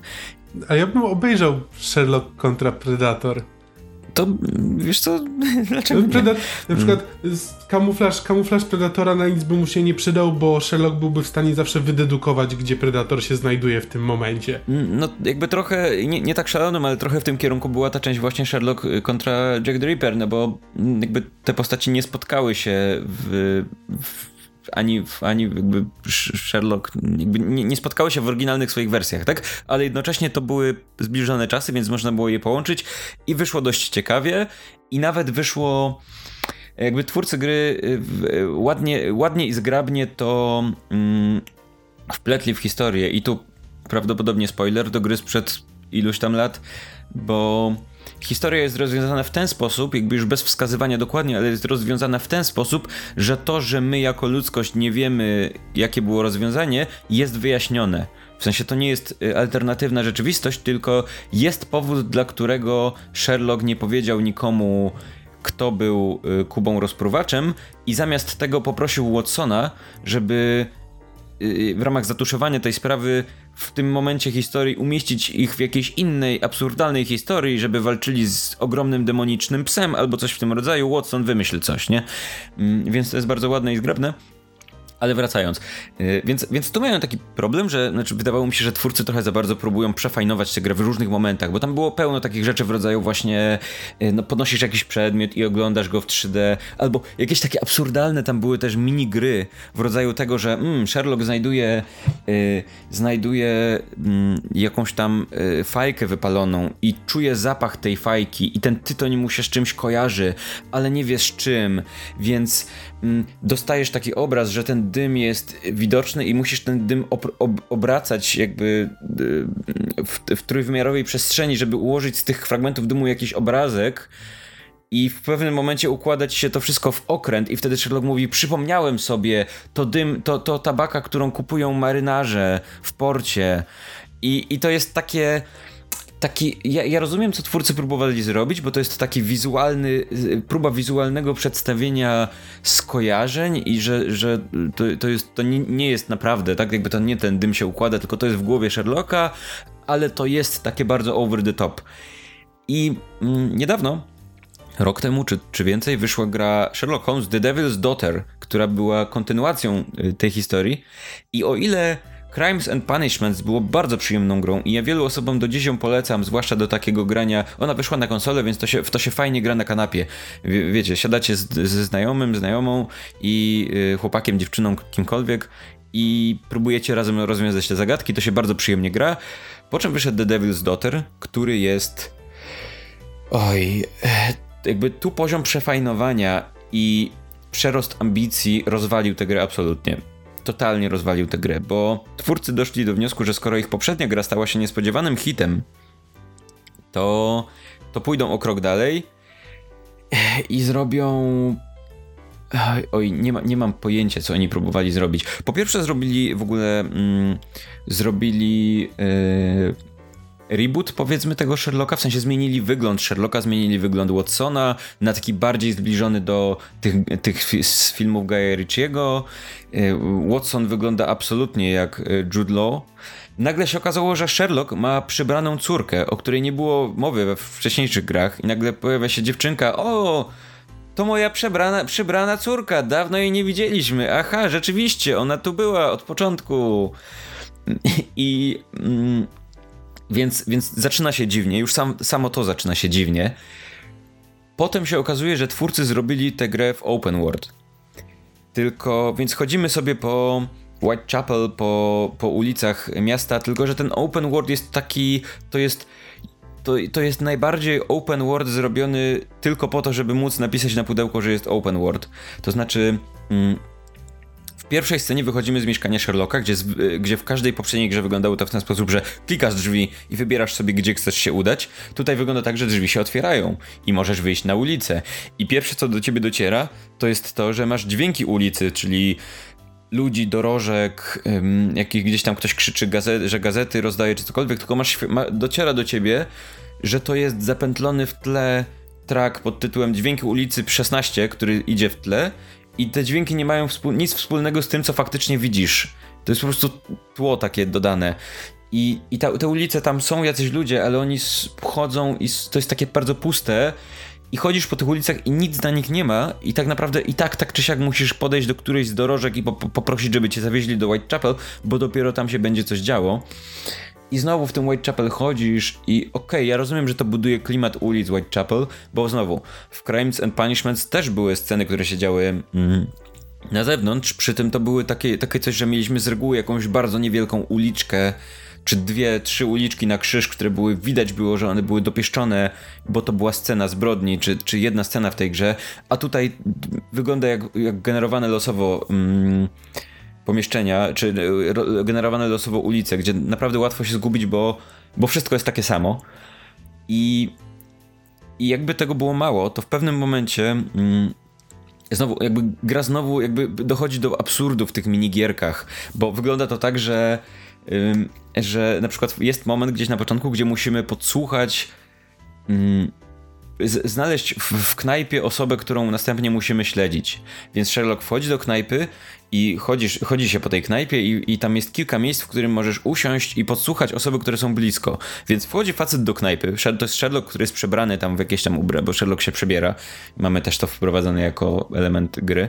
Yy, gdzie wchodzi facet do knajpy, siada przy krześle nic, i nic nie robi, tylko się nachyla w kierunku czyimś i włącza ci się minigierka, gdzie, gdzie no, yy, masz takie dwa kółeczka, które musisz yy, trzymać, one nie, ruszają się niezależnie od siebie i mu, trzeba je utrzymać wewnątrz takiego większego okręgu, bo wtedy Sherlock lepiej słyszy z jakiegoś powodu. I Sherlock mówi, nie, nie, to nie są ci, których podsłuchuje. Wstaje od tego baru i podchodzi do innego miejsca, gdzie się opiera znowu o kolumnę, tak zupełnie nie, nie wcale nie jestem podejrzany. I, mm, i znowu, i, oczywiście wszyscy ludzie w tym barze, każda z tych osób, które rozmawia akurat na ten sam temat i każda z nich daje część e, informacji i dopiero jak podsłuchasz wszystkich, to dowiadujesz się pełnej informacji. I to jest, to, to znowu, to jest jeszcze bardziej absurdalne niż w tej poprzedniej grze i wymaga jeszcze większego zawieszenia niewiary, a potem dochodzi do momentu, który po prostu rozwala grę totalnie. To znaczy, Sherlock jak już się dowiaduje, kogo ma śledzić, no to łapie tam tego swojego, jak się, Wiggins się nazywa ten chłop, ten dzieciak bezdomny, czy tam, czy tam z biednej y, rodziny, który y, jakby jest szefem tego, tych szpiegów Sherlocka, dzieciaków, czy cokolwiek tej sieci, to się nazywa jakoś tam, coś tam network, nie pamiętam jak on to nazywał. I nagle się wcielamy w tego dzieciaka i dostajemy scenę z Assassin's Creed, gdzie musimy śledzić tego typa, to jest taka scena z tych wczesnych asesynów, chociaż to wygląda chyba tak samo teraz, że ten gość idzie po ulicy i raz na jakiś czas się zatrzymuje i się obraca, staje przez chwilę y, przodem do nas, więc my musimy się za czymś schować. I, I w tym momencie gra próbuje być Assassin's Creed, bo dosłownie w pewnym momencie na ulicy stoją policjanci, więc ten dzieciak nie chce przejść obok nich, więc wchodzi na dach i śledzi się tego typa biegając po dachach to jest, to, to jest jakby twórcy tak bardzo spróbowali w tej grze wsadzić wszystkie swoje pomysły, jednocześnie nie mając możliwości ich zrealizowania na odpowiednim poziomie, że że po tym naprawdę jakby jasnym punkcie z wieloma ciekawymi pomysłami, którym był Crimes and Punishments, to tutaj to dochodzi do jakiegoś kompletnego absurdu. Więc jakby żeby kończyć już, zbliżać się do końca tego rantu, jeżeli mielibyście okazję, mielibyście ochotę na fajną, klimatyczną przygodówkę z Sherlockiem Holmesem, to polecam Crimes and Punishments i nie polecam Devil's Daughter, bo wydaje mi się, że twórcy, twórcy jakby próbowali przeskoczyć rekina i zjadły ich, ich, ich własne ambicje. I przykro mi, bo ja bardzo lubiłem tę serię i nagle jakby jest tak bardzo przefajnowana ta nowa część, że podchodziłem do niej dwa razy i odbijałem się jak od, od ściany czy od czegoś tam. No. Okej, okay, czekaj, ale, ale po co mu właściwie tę córkę dosztukowali? Czy rozumiem, że to jest tytułowa bohaterka? Szczerze mówiąc, jeszcze nie, jakby nie dotarłem tak daleko, żeby wiedzieć. Tam, tam wydaje mi się, że będzie. Tam, tam też są jakby scenariusze mniejsze, ale wydaje mi się, że one się układają bardziej istotnie w jakąś większą historię. Yy, I i ona jakby w, momencie, w którym ja, ja grałem, no to ona była tylko, no pojawiła się, bo wróciła tam na jakimś ze szkoły, na jakąś przerwę, czy coś tam, bo ona gdzieś tam jest w internacie, czy coś tam, no i jest, przywitała się, wygląda absolutnie koszmarnie, bo twórcy, e, jakby tutaj jednym z kolejnych elementów e, technicznych jest to, że twórcy nie mają motion capture na przykład, więc post Sherlock najlepiej grać pierwszoosobowo, bo wtedy nie musisz patrzeć jak Sherlock koszmarnie biega w tej grze i i ona, i ta postać córki, ona jakby nie dziwi się, że gra się nazywa The, The, The Devil's Daughter, bo, bo ona wygląda faktycznie jakby była córką szatana, bo naprawdę wygląda jakby ją czołg przejechał w tej grze. Nie wiem, nie wiem kto tworzył te, te modele tych postaci, ale wygląda naprawdę słabo. No, więc y, zasadniczo nie polecam. Chyba, że pogram w tę grę dłużej i się okaże, że gdzieś tam dalej, dalej się dzieje coś ciekawego i ta gra faktycznie się rozkręca, ale póki co to jest po prostu taki zbiór nieudanych pomysłów, jak usprawnić grę przygodową. W momencie, w którym ta gra przygodowa była naprawdę spoko i była tym, co była, nie musiała udawać, że jest Assassin's Creed, żeby być fajną, więc ja jestem mocno zawiedziony. Ktoś coś? Bo ja mam jeszcze jeden duży temat, o którym chciałbym powiedzieć, tylko nie wiem, czy chcecie coś jeszcze ten wstrzelić się. Ja już nie mam żadnych nie, tytułów do omówienia. Nie. To ja chciałbym powiedzieć o tym, że grałem w Destiny 2. Od początku podcastu A, no próbuję. No tak. W sumie zapomniałem, ja też to grałem przecież. próbuję od początku podcastu to powiedzieć. Grałem, gram w Destiny 2, y, drugą część, ale czy na pewno? Y, Destiny, czyli Y, będącej bardzo dużym hitem gry od Bungie, konsolowego. Powiedziałbym, że MMO. Zastanawiałem się przez chwilę przed nagraniem, jak sklasyfikować gatunkowo Destiny. I bo, bo mam, y, dużo ludzi mówi, że Destiny jest, jest takim trochę nowym gatunkiem, który łączy MMO z kilkoma różnymi innymi rzeczami. Przy tym mam wrażenie, że z racji, że chyba nikt nie nazwał tego gatunku, bo, bo chyba ten gatunek ma zbyt mało przedstawicieli. Mam wrażenie, że ta nowa, nowa gra od e, BioWare, Anthem, tak się nazywa? Chyba tak. Że chyba Anthem ma być, ma być czymś podobnym, no ale póki co Destiny jest chyba jedynym przedstawicielem gatunku e, strzelanka slash MMO slash nie, nie wiem. Ludzie na to mówią jakoś online first person shooter experience, coś tam, jakby gdzieś kuje się nazwa, póki co będę nazywał to po prostu MMO, bo mam wrażenie, że spełnia wszystkie podstawowe wymagania, żeby być grą, grą MMO. Nie MMORPG, tylko MMO FPS. z elementami RPG, powiedzmy. MMO FPS, tak. Y, I y, bo teraz jakby, żeby opowiedzieć czym jest Destiny 2, to muszę trochę się zagłębić w historię w Destiny, ale bardzo, bardzo szybko.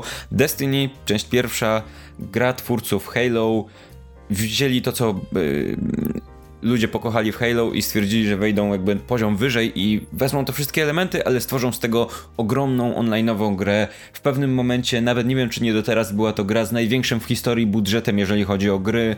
Gdzieś tam 500 milionów dolarów, czy coś w tym rodzaju. No i ta gra Owszem, okazała się hitem, ale jednocześnie była na tyle w, dużych, w dużej części eksperymentem, że wielu graczy się od niej odbiło i nigdy do niej nie wróciło twórcy, y, jakby świadomi tego, jakie błędy popełnili, zaczęli ją poprawiać. I poprawiali ją przez szereg dodatków. Dodatki były, jeżeli dobrze liczę, cztery.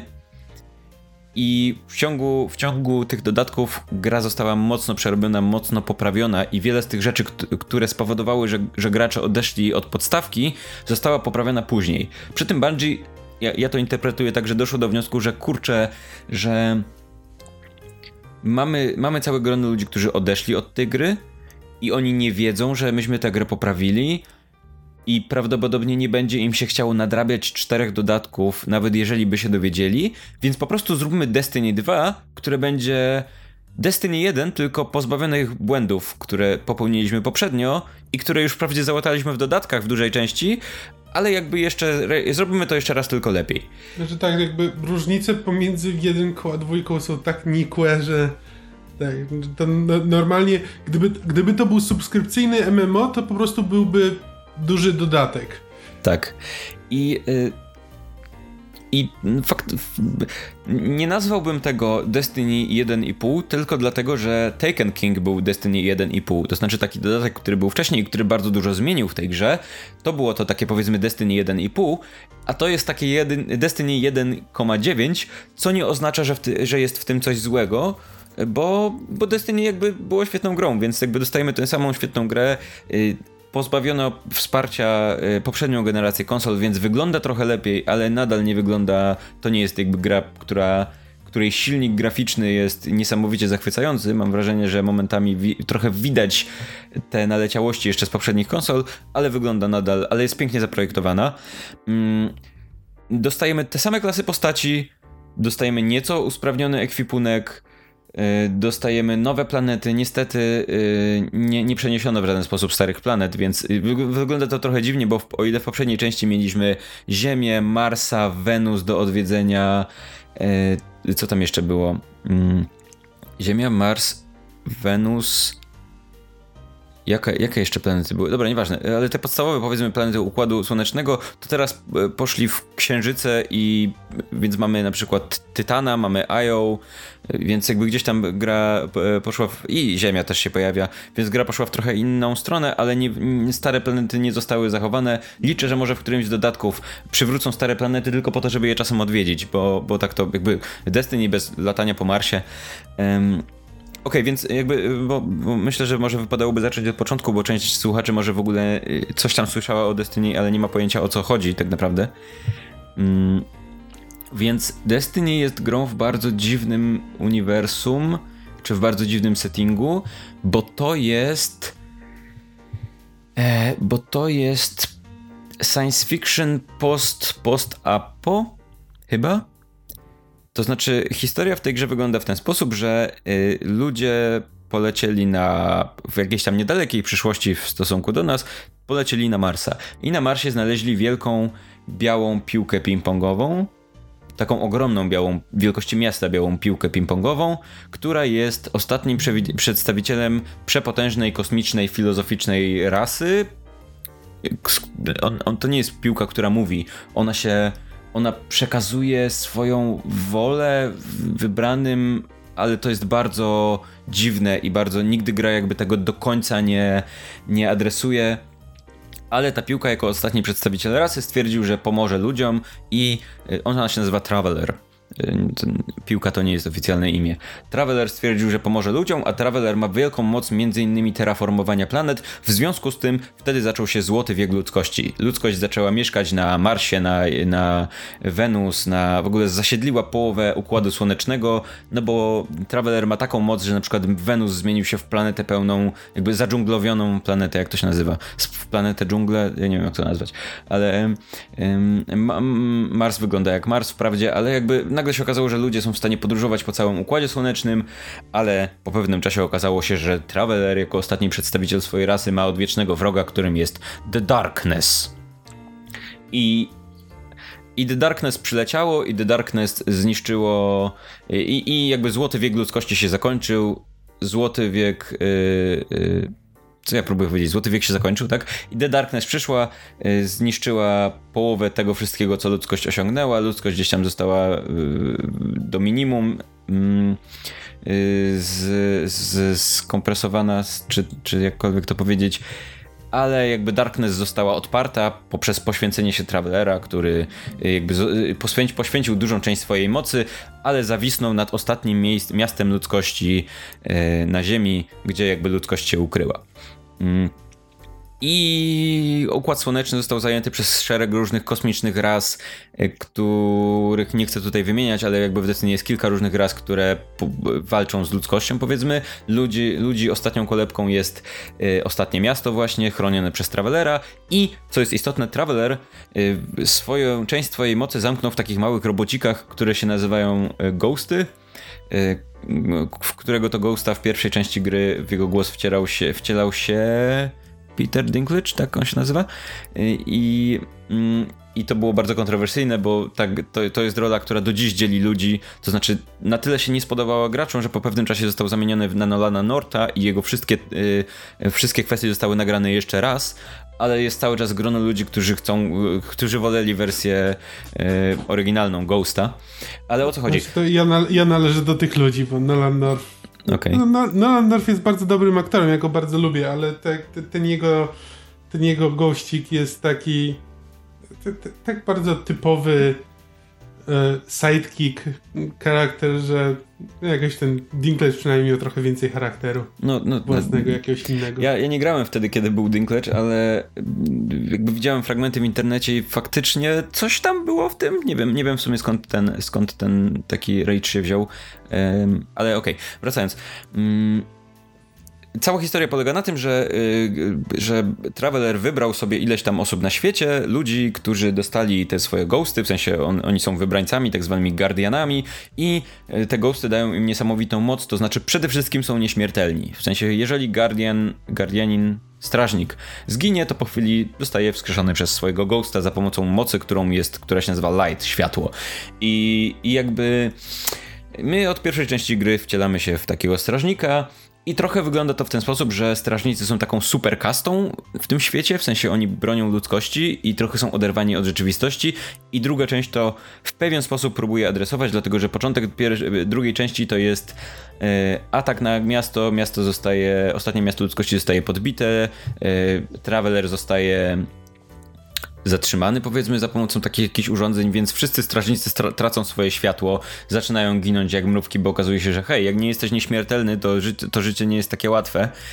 I no, a my jako gracz jesteśmy, mamy okazję eksplorować trochę świat poza tym miastem i zobaczyć, jak żyją powiedzmy ludzie w innych częściach świata. Dostajemy, y, jakby gra cały czas kręci się wokół starego kontynentu, więc trafiamy do europejskiej martwej strefy, która wygląda bardzo typowo jak świat post-apo. Jeździmy po prostu po po zniszczonych miastach, e, trafiamy na kolejne planety. Jakby cała historia w tej grze polega na tym, że musimy podnieść, wstać z kolan i pokonać naszych przeciwników, tak żeby na końcu wszystko wróciło do znanego i lubianego status quo. E, no i przy tym jakby gra cały czas, e, jakby poza tym głównym scenariuszem gra ma dla nas otwarty świat, ileś planet, masę aktywności do robienia, masę zadań, tryby PvP, rajdy, strajki, czyli coś, co z innych, z innych gier MMO jest znane z reguły jako lochy, czy dungeony, czy coś takiego.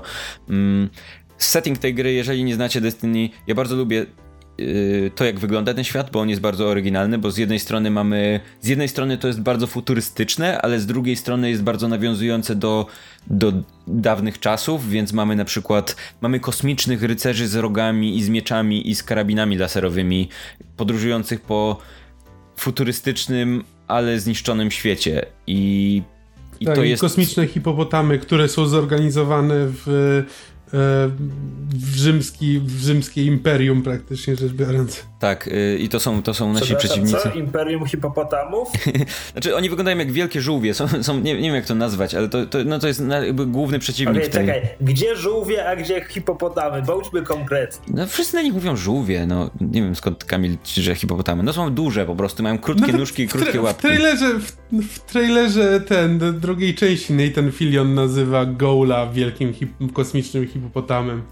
Okej, okay, więc może tak. No w każdym razie mają małe główki w stosunku do bardzo dużych cielsk i krótkich nóżek. Mm, I, yy, I faktycznie jest tak, że jakby tam jest kupa fajnych pomysłów, jeżeli chodzi o. Yy, znaczy, bo to jest tak, jeżeli będę mówił, co mi się podoba w Destiny 2, to to jest dokładnie to samo, co mi się podobało w Destiny 1, tylko trochę usprawnione, ale te usprawnienia nie są na tyle duże, żeby poświęcać im dużo czasu, a wszystko to, co jest problemem było, mam wrażenie, że nadal pozostaje problemem. Bo tak, mm, bo gra daje nam niesamowicie wciągające aktywności grindingowe, powiedzmy, w bardzo ciekawym, oryginalnym świecie. Daje nam masę świetnych lokacji, świetnych pomysłów, świetnych ras, które się tam pojawiają. Ja jestem wielkim fanem Vex. Vex zostali trochę szerzej eksplorowani y, w drugiej części. Vex wygląda jak, jakby na pierwszy rzut oka, jak widzisz Vexów, to wyglądają jak dziwne roboty, takie trochę steampunkowe, ale I, ale w, jak do nich strzelasz, to z nich wylatuje taka biała maś. I, w, I ta rasa to tak naprawdę jest Hive Mind, który jest takim białym budyniem. I ten biały budyń sobie buduje te roboty, które są ich tylko nosicielami, ale tak naprawdę ta, ta rasa to jest de facto ten biały budyń, tak naprawdę. I mm, i jakby tych historii, tych raz jest bardzo dużo, ale jednocześnie mam wrażenie, że ten świat jest cały czas, nawet w drugiej części, tak tylko trochę liźnięty. Ja na przykład przy pierwszej części mówiłem, kurczę, szkoda, że e, szkoda, że nie mamy okazji odwiedzić którejś z tych e, z tych osad ludzi, którzy mieszkają poza miastem. Zresztą nawet miasta nie mamy za bardzo jak odwiedzić, bo głównie obserwujemy je z góry, z siedziby Guardianów. I ja, ja myślałem tak, kurczę, fajnie byłoby zobaczyć to miasto, fajnie byłoby zobaczyć inne osady ludzi, jak oni żyją poza murem, bo tam jest też mur, który, od, oczywiście, że jest mur, który oddziela bezpieczny teren od niebezpiecznego terenu. Mm, I i tak druga część trochę to daje, bo mamy okazję zejść do miasta, ale w momencie, w którym ono jest zniszczone, więc tak naprawdę jest tylko przez chwilę elementem, e, po, polem walki. I mamy też okazję odwiedzić y, osady, osadę poza poza miastem i ona znowu jest tylko przez pewien czas, kiedy miasto jest zajęte, to ona jest naszym, powiedzmy, bazą wypadową. I też mamy okazję poznać postaci, które są spoza jakby tej mm, tego grona Guardianów, więc mamy okazję powiedzmy porównać podejście do świata Guardianów, którzy są u góry i, i nieśmiertelni i rządzą jakby i, i są obrońcami ludzkości i są tacy bardzo over the top. I też poznam, poznajemy postaci, które są z drugiej strony, które trochę gardzą tymi Guardianami, no bo my tu, my mamy tylko jedno życie i też sobie jakoś radzimy. I znowu mamy okazję poznać to, ale nie nie tak do końca, nie, nie, jakby mam wrażenie, że gra nie eksploruje tej, tego świata tak bardzo jak, wiecie, pokazuje nam niesamowicie ciekawy świat, a potem nie eksploruje go tak bardzo, jakbym chciał, żeby eksplorowała. Nie, ja w ogóle jakby uważam, że Bungie nie potrafi pisać swoich gier. Znaczy, rzeczywiście jakby świat, który stworzyli jest bardzo fajny, ale po prostu grałem w, grałem w tę kampanię i skończyłem, skończyłem tę kampanię, pokonałem tego Gaula i tak dalej i w żadnym momencie mnie nie interesowało to, co się dzieje. Znaczy, jakby wiesz, jest, jest parę fajnych postaci, parę fajnych momentów, ale to jest po prostu takie, wiesz, takie typowo kosmiczne, sci-fiowe mambo jumbo, że się po prostu wyłączałem. No i tam oglądałem sobie te filmiki i kompletnie mnie to nie interesowało. No tak, to, to, jest, to jest tak, że masz ciekawy świat, masz ciekawe postaci w tym świecie, ale te historie są nie są ciekawe. Przy tym być może to jest kwestia tego, że ja te. Bo, bo teraz, jeżeli ktoś tego słucha i nie grał, to prawdopodobnie to brzmi, jakby ta gra mi się nie podobała. To raczej jest kwestia tego, że ta gra nie jest. To, to nie, nie jest element tej gry. W sensie Destiny 2 jest MMO, które nie. To nie jest gra, w której ta historia ma być ważna. To raczej właśnie świat i postaci mają być ważne. I szkoda, że. Bo tak, gdyby ta historia była ciekawsza, to ta gra byłaby jeszcze lepsza ale jakby jeżeli wrócę do tego, czym ta gra faktycznie jest, a nie czym nie jest i chciałbym, żeby może też była, no to zostaje nam niesamowicie przyjemna strzelanka z niesamowitą ilością rzeczy do zrobienia, w której się super przyjemnie gra po prostu, bo mm, ja nie grałem w Halo, ale z, wiem, z tego co wiem, że y, to Bungie jest słynne z, z, tego, że potrafi zrobić dobre strzelanie i w Destiny 1 i w Destiny 2 nadal kwestia jest taka, że strzelanie jest tam przyjemne. I jest tam, tam jest jakby szereg broni do wyboru, karabinów do znalezienia. No to jest jakby, to jest e, powiedzmy ten element RPGowy, czyli ubieramy naszą postać w sprzęt, różnej, różne poziomy rzadkości są, ulepszamy ten sprzęt i tak dalej. I te karabiny są, czy, ta, czy te, te, sprzęty, bronie, jakiekolwiek są niesamowicie oddane za pomocą szeregu znanych, ale też szeregu ukrytych powiedzmy statystyk, bo ich powiedzmy zachowanie w trakcie strzelania bywa różne i to jest taka niesamowita rzecz, którą ciężko oddać w momencie, w którym się opowiada o tej grze, a nie gra w nią, ale to jest, te bronie są na tyle dobrze oddane, że po pewnym czasie grania zaczyna do ciebie docierać, że masz swój ulubiony karabin i nawet jeżeli on jest obiektywnie słabszy od tego innego karabinu, to ty tym swoim lepiej strzelasz niż tamtym drugim, bo go po prostu lubisz i i zaczynasz tworzyć tę postać pod kątem tego sprzętu, którego używasz. I ten sprzęt to nie są tylko o, wybieram ten karabin, który ma lepsze obrażenia, tylko też masz wręcz takie, czego, co mi się chyba nie zdarzało w innych grach, masz takie niemalże fizyczne poczucie, że ten autorifle jest inny od tego drugiego autorifla i wręcz trzymając tego pada niemalże czujesz, że on jest cięższy od niego. Na bazie jakichś super drobnych niuansów, których jakby nie, nawet nie jesteś w stanie dostrzec w rodzaju, że, ten, ten podno że podnosisz go do, do celowania o ćwierć sekundy dłużej, więc jakby twój odruch, twoje odczucie jest takie, że on jest, ten karabin jest faktycznie cięższy. I jakby to jest kluczowe w tej grze. Przyjemne ma być to, że eksplorujesz ten świat, latasz po nim, strzelasz do tych przeciwników, chodzisz z tym swoim fireteamem na, e, na jakieś rajdy albo na, e, na strajki, walczysz z tymi graczami, porównujesz, który z was ma fajniejszy karabin, potem znajdujesz ten super karabin, który ci się podoba, wybierasz sobie dla niego malowanie albo znajdujesz skin dla niego odpowiedni i, i, i idziesz dalej na kolejne coraz trudniejsze rzeczy z kolejnymi coraz trudniejszymi, coraz mocniejszymi kolegami, graczami, albo idziesz na e, event PvP, gdzie walczysz z tymi graczami w jakimś super, pojedy- super um, nie pojedynku, na 3 na 3 to nie jest pojedynek, ale w, w jakichś tam y, zawodach powiedzmy i czekasz na te kolejne eventy, zbierasz te statki, to, to jest niesamowicie wciągające i jakby wszystkie moje zarzuty do Destiny, o których mówiłem wcześniej, głównie sprowadzają się do tego, że ta gra jest tak fenomenalna dla mnie w tym, czym próbuje być, w, czym, w tym, czym jest, że ja aż żałuję, że ona nie jest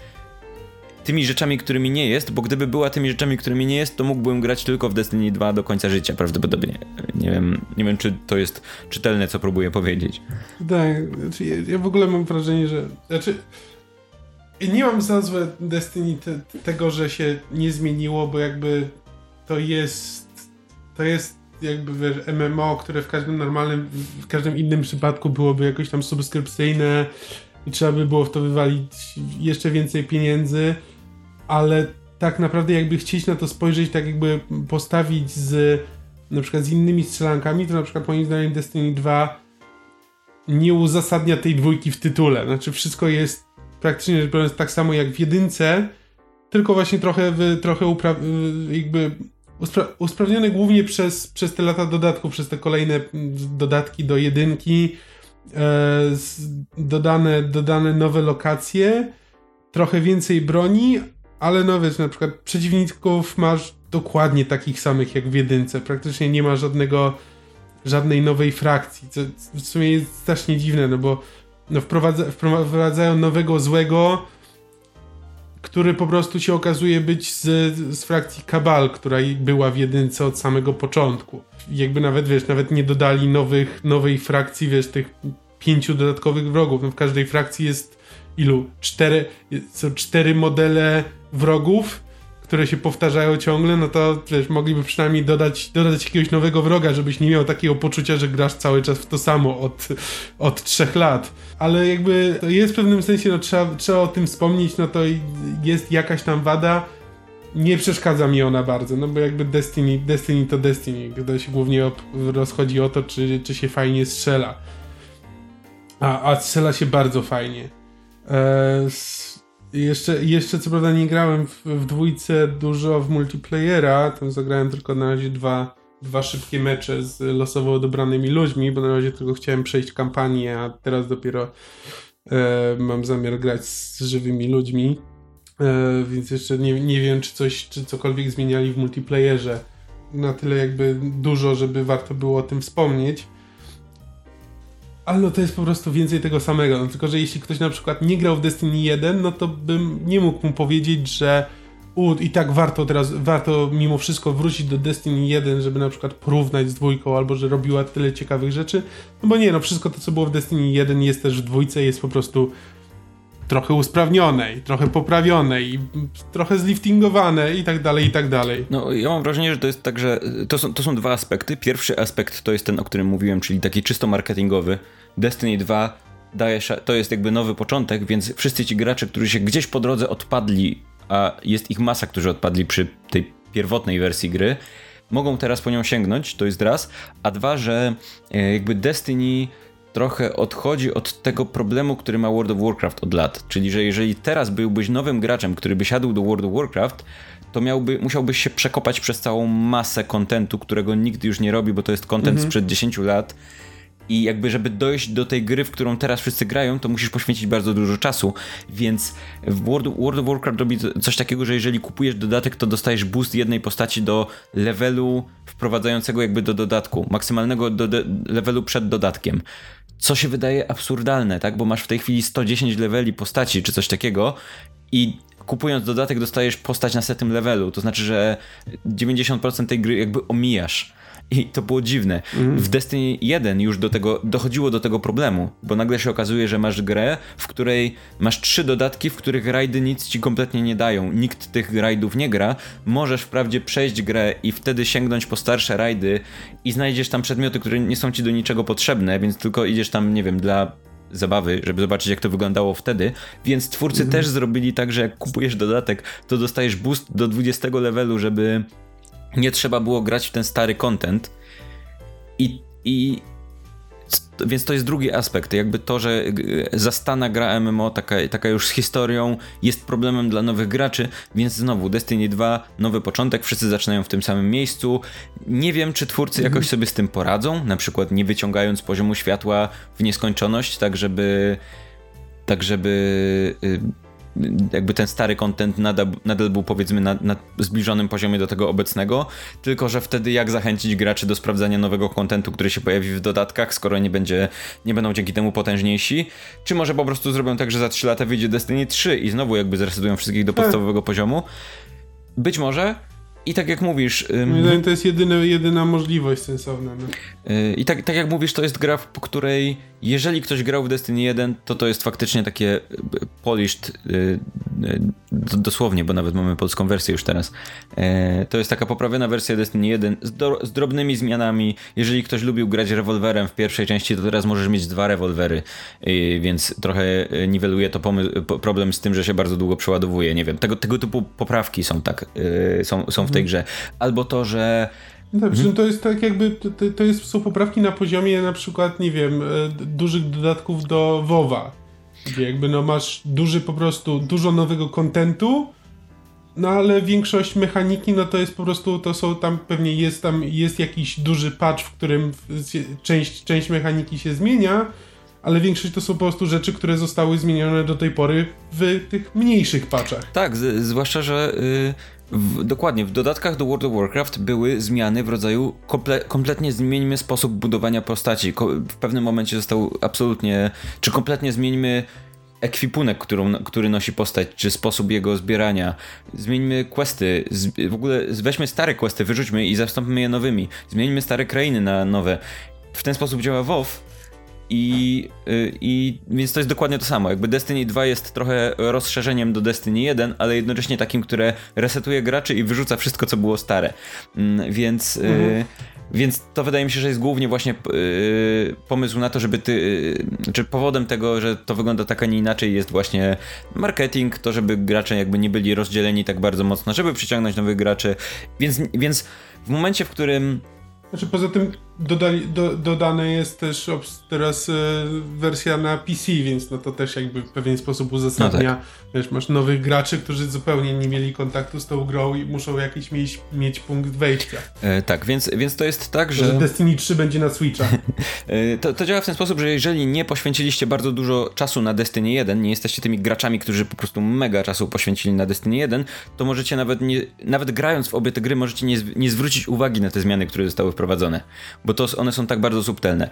Jeżeli ktoś grał hmm. bardzo dużo czasu, no to potem, no to oczywiście jest tak, jeżeli jest fanem, no to patrzy na te zmiany i każdy zmieniony slot na broń to jest wow, ale fajnie, jest lepiej niż poprzednio ale to są jakby z perspektywy gracza, który powiedzmy niedzielnego, to są bardzo małe zmiany, e, ale według mnie jak najbardziej warto pograć w Destiny 2, super przyjemne strzelanie, zwłaszcza jeżeli macie ekipę kilku osób, które chciałyby sięgnąć po tę grę i pograć sobie razem, po, polatać po tym świecie statkami kosmicznymi, albo pojeździć na cyberskuterach, albo walczyć ze sobą na miecze, e, na, na, na kosmiczne miecze, to, to uważam, że jest naprawdę super ta gra.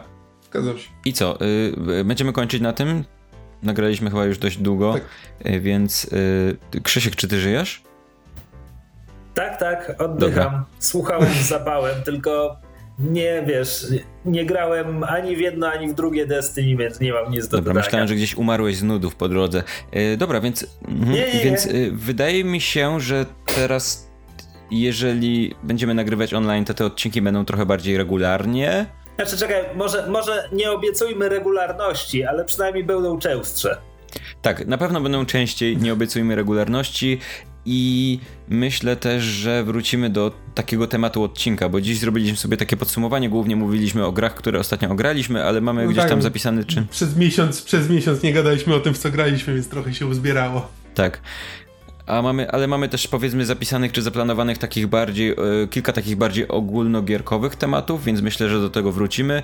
E, no i co, możecie do nas pisać. Mamy maila jakiegoś gorące krzesła małpa podsłuchane.pl i jeżeli macie jakieś pomysły, które chcemy, chcecie, żebyśmy poruszyli, to, to piszcie tam do nas. No i też pewnie wpadnijcie na podsłuchane.pl, gdzie są inne podcasty nasze, w których się udzielamy i nasi znajomi przyjaciele się udzielają. I polubcie nasz fanpage facebook.com podsłuchane.pl I co, to tyle jeśli chodzi o ogłoszenie, tak? Ja nic nie mam więcej do dodania. Kupcie koszulki podsłuchane.pl sklep. Mamy koszulkę z logo gorących krzeseł, dzięki temu mamy za co żyć i co jeść. Więc pozostaje nam się pożegnać.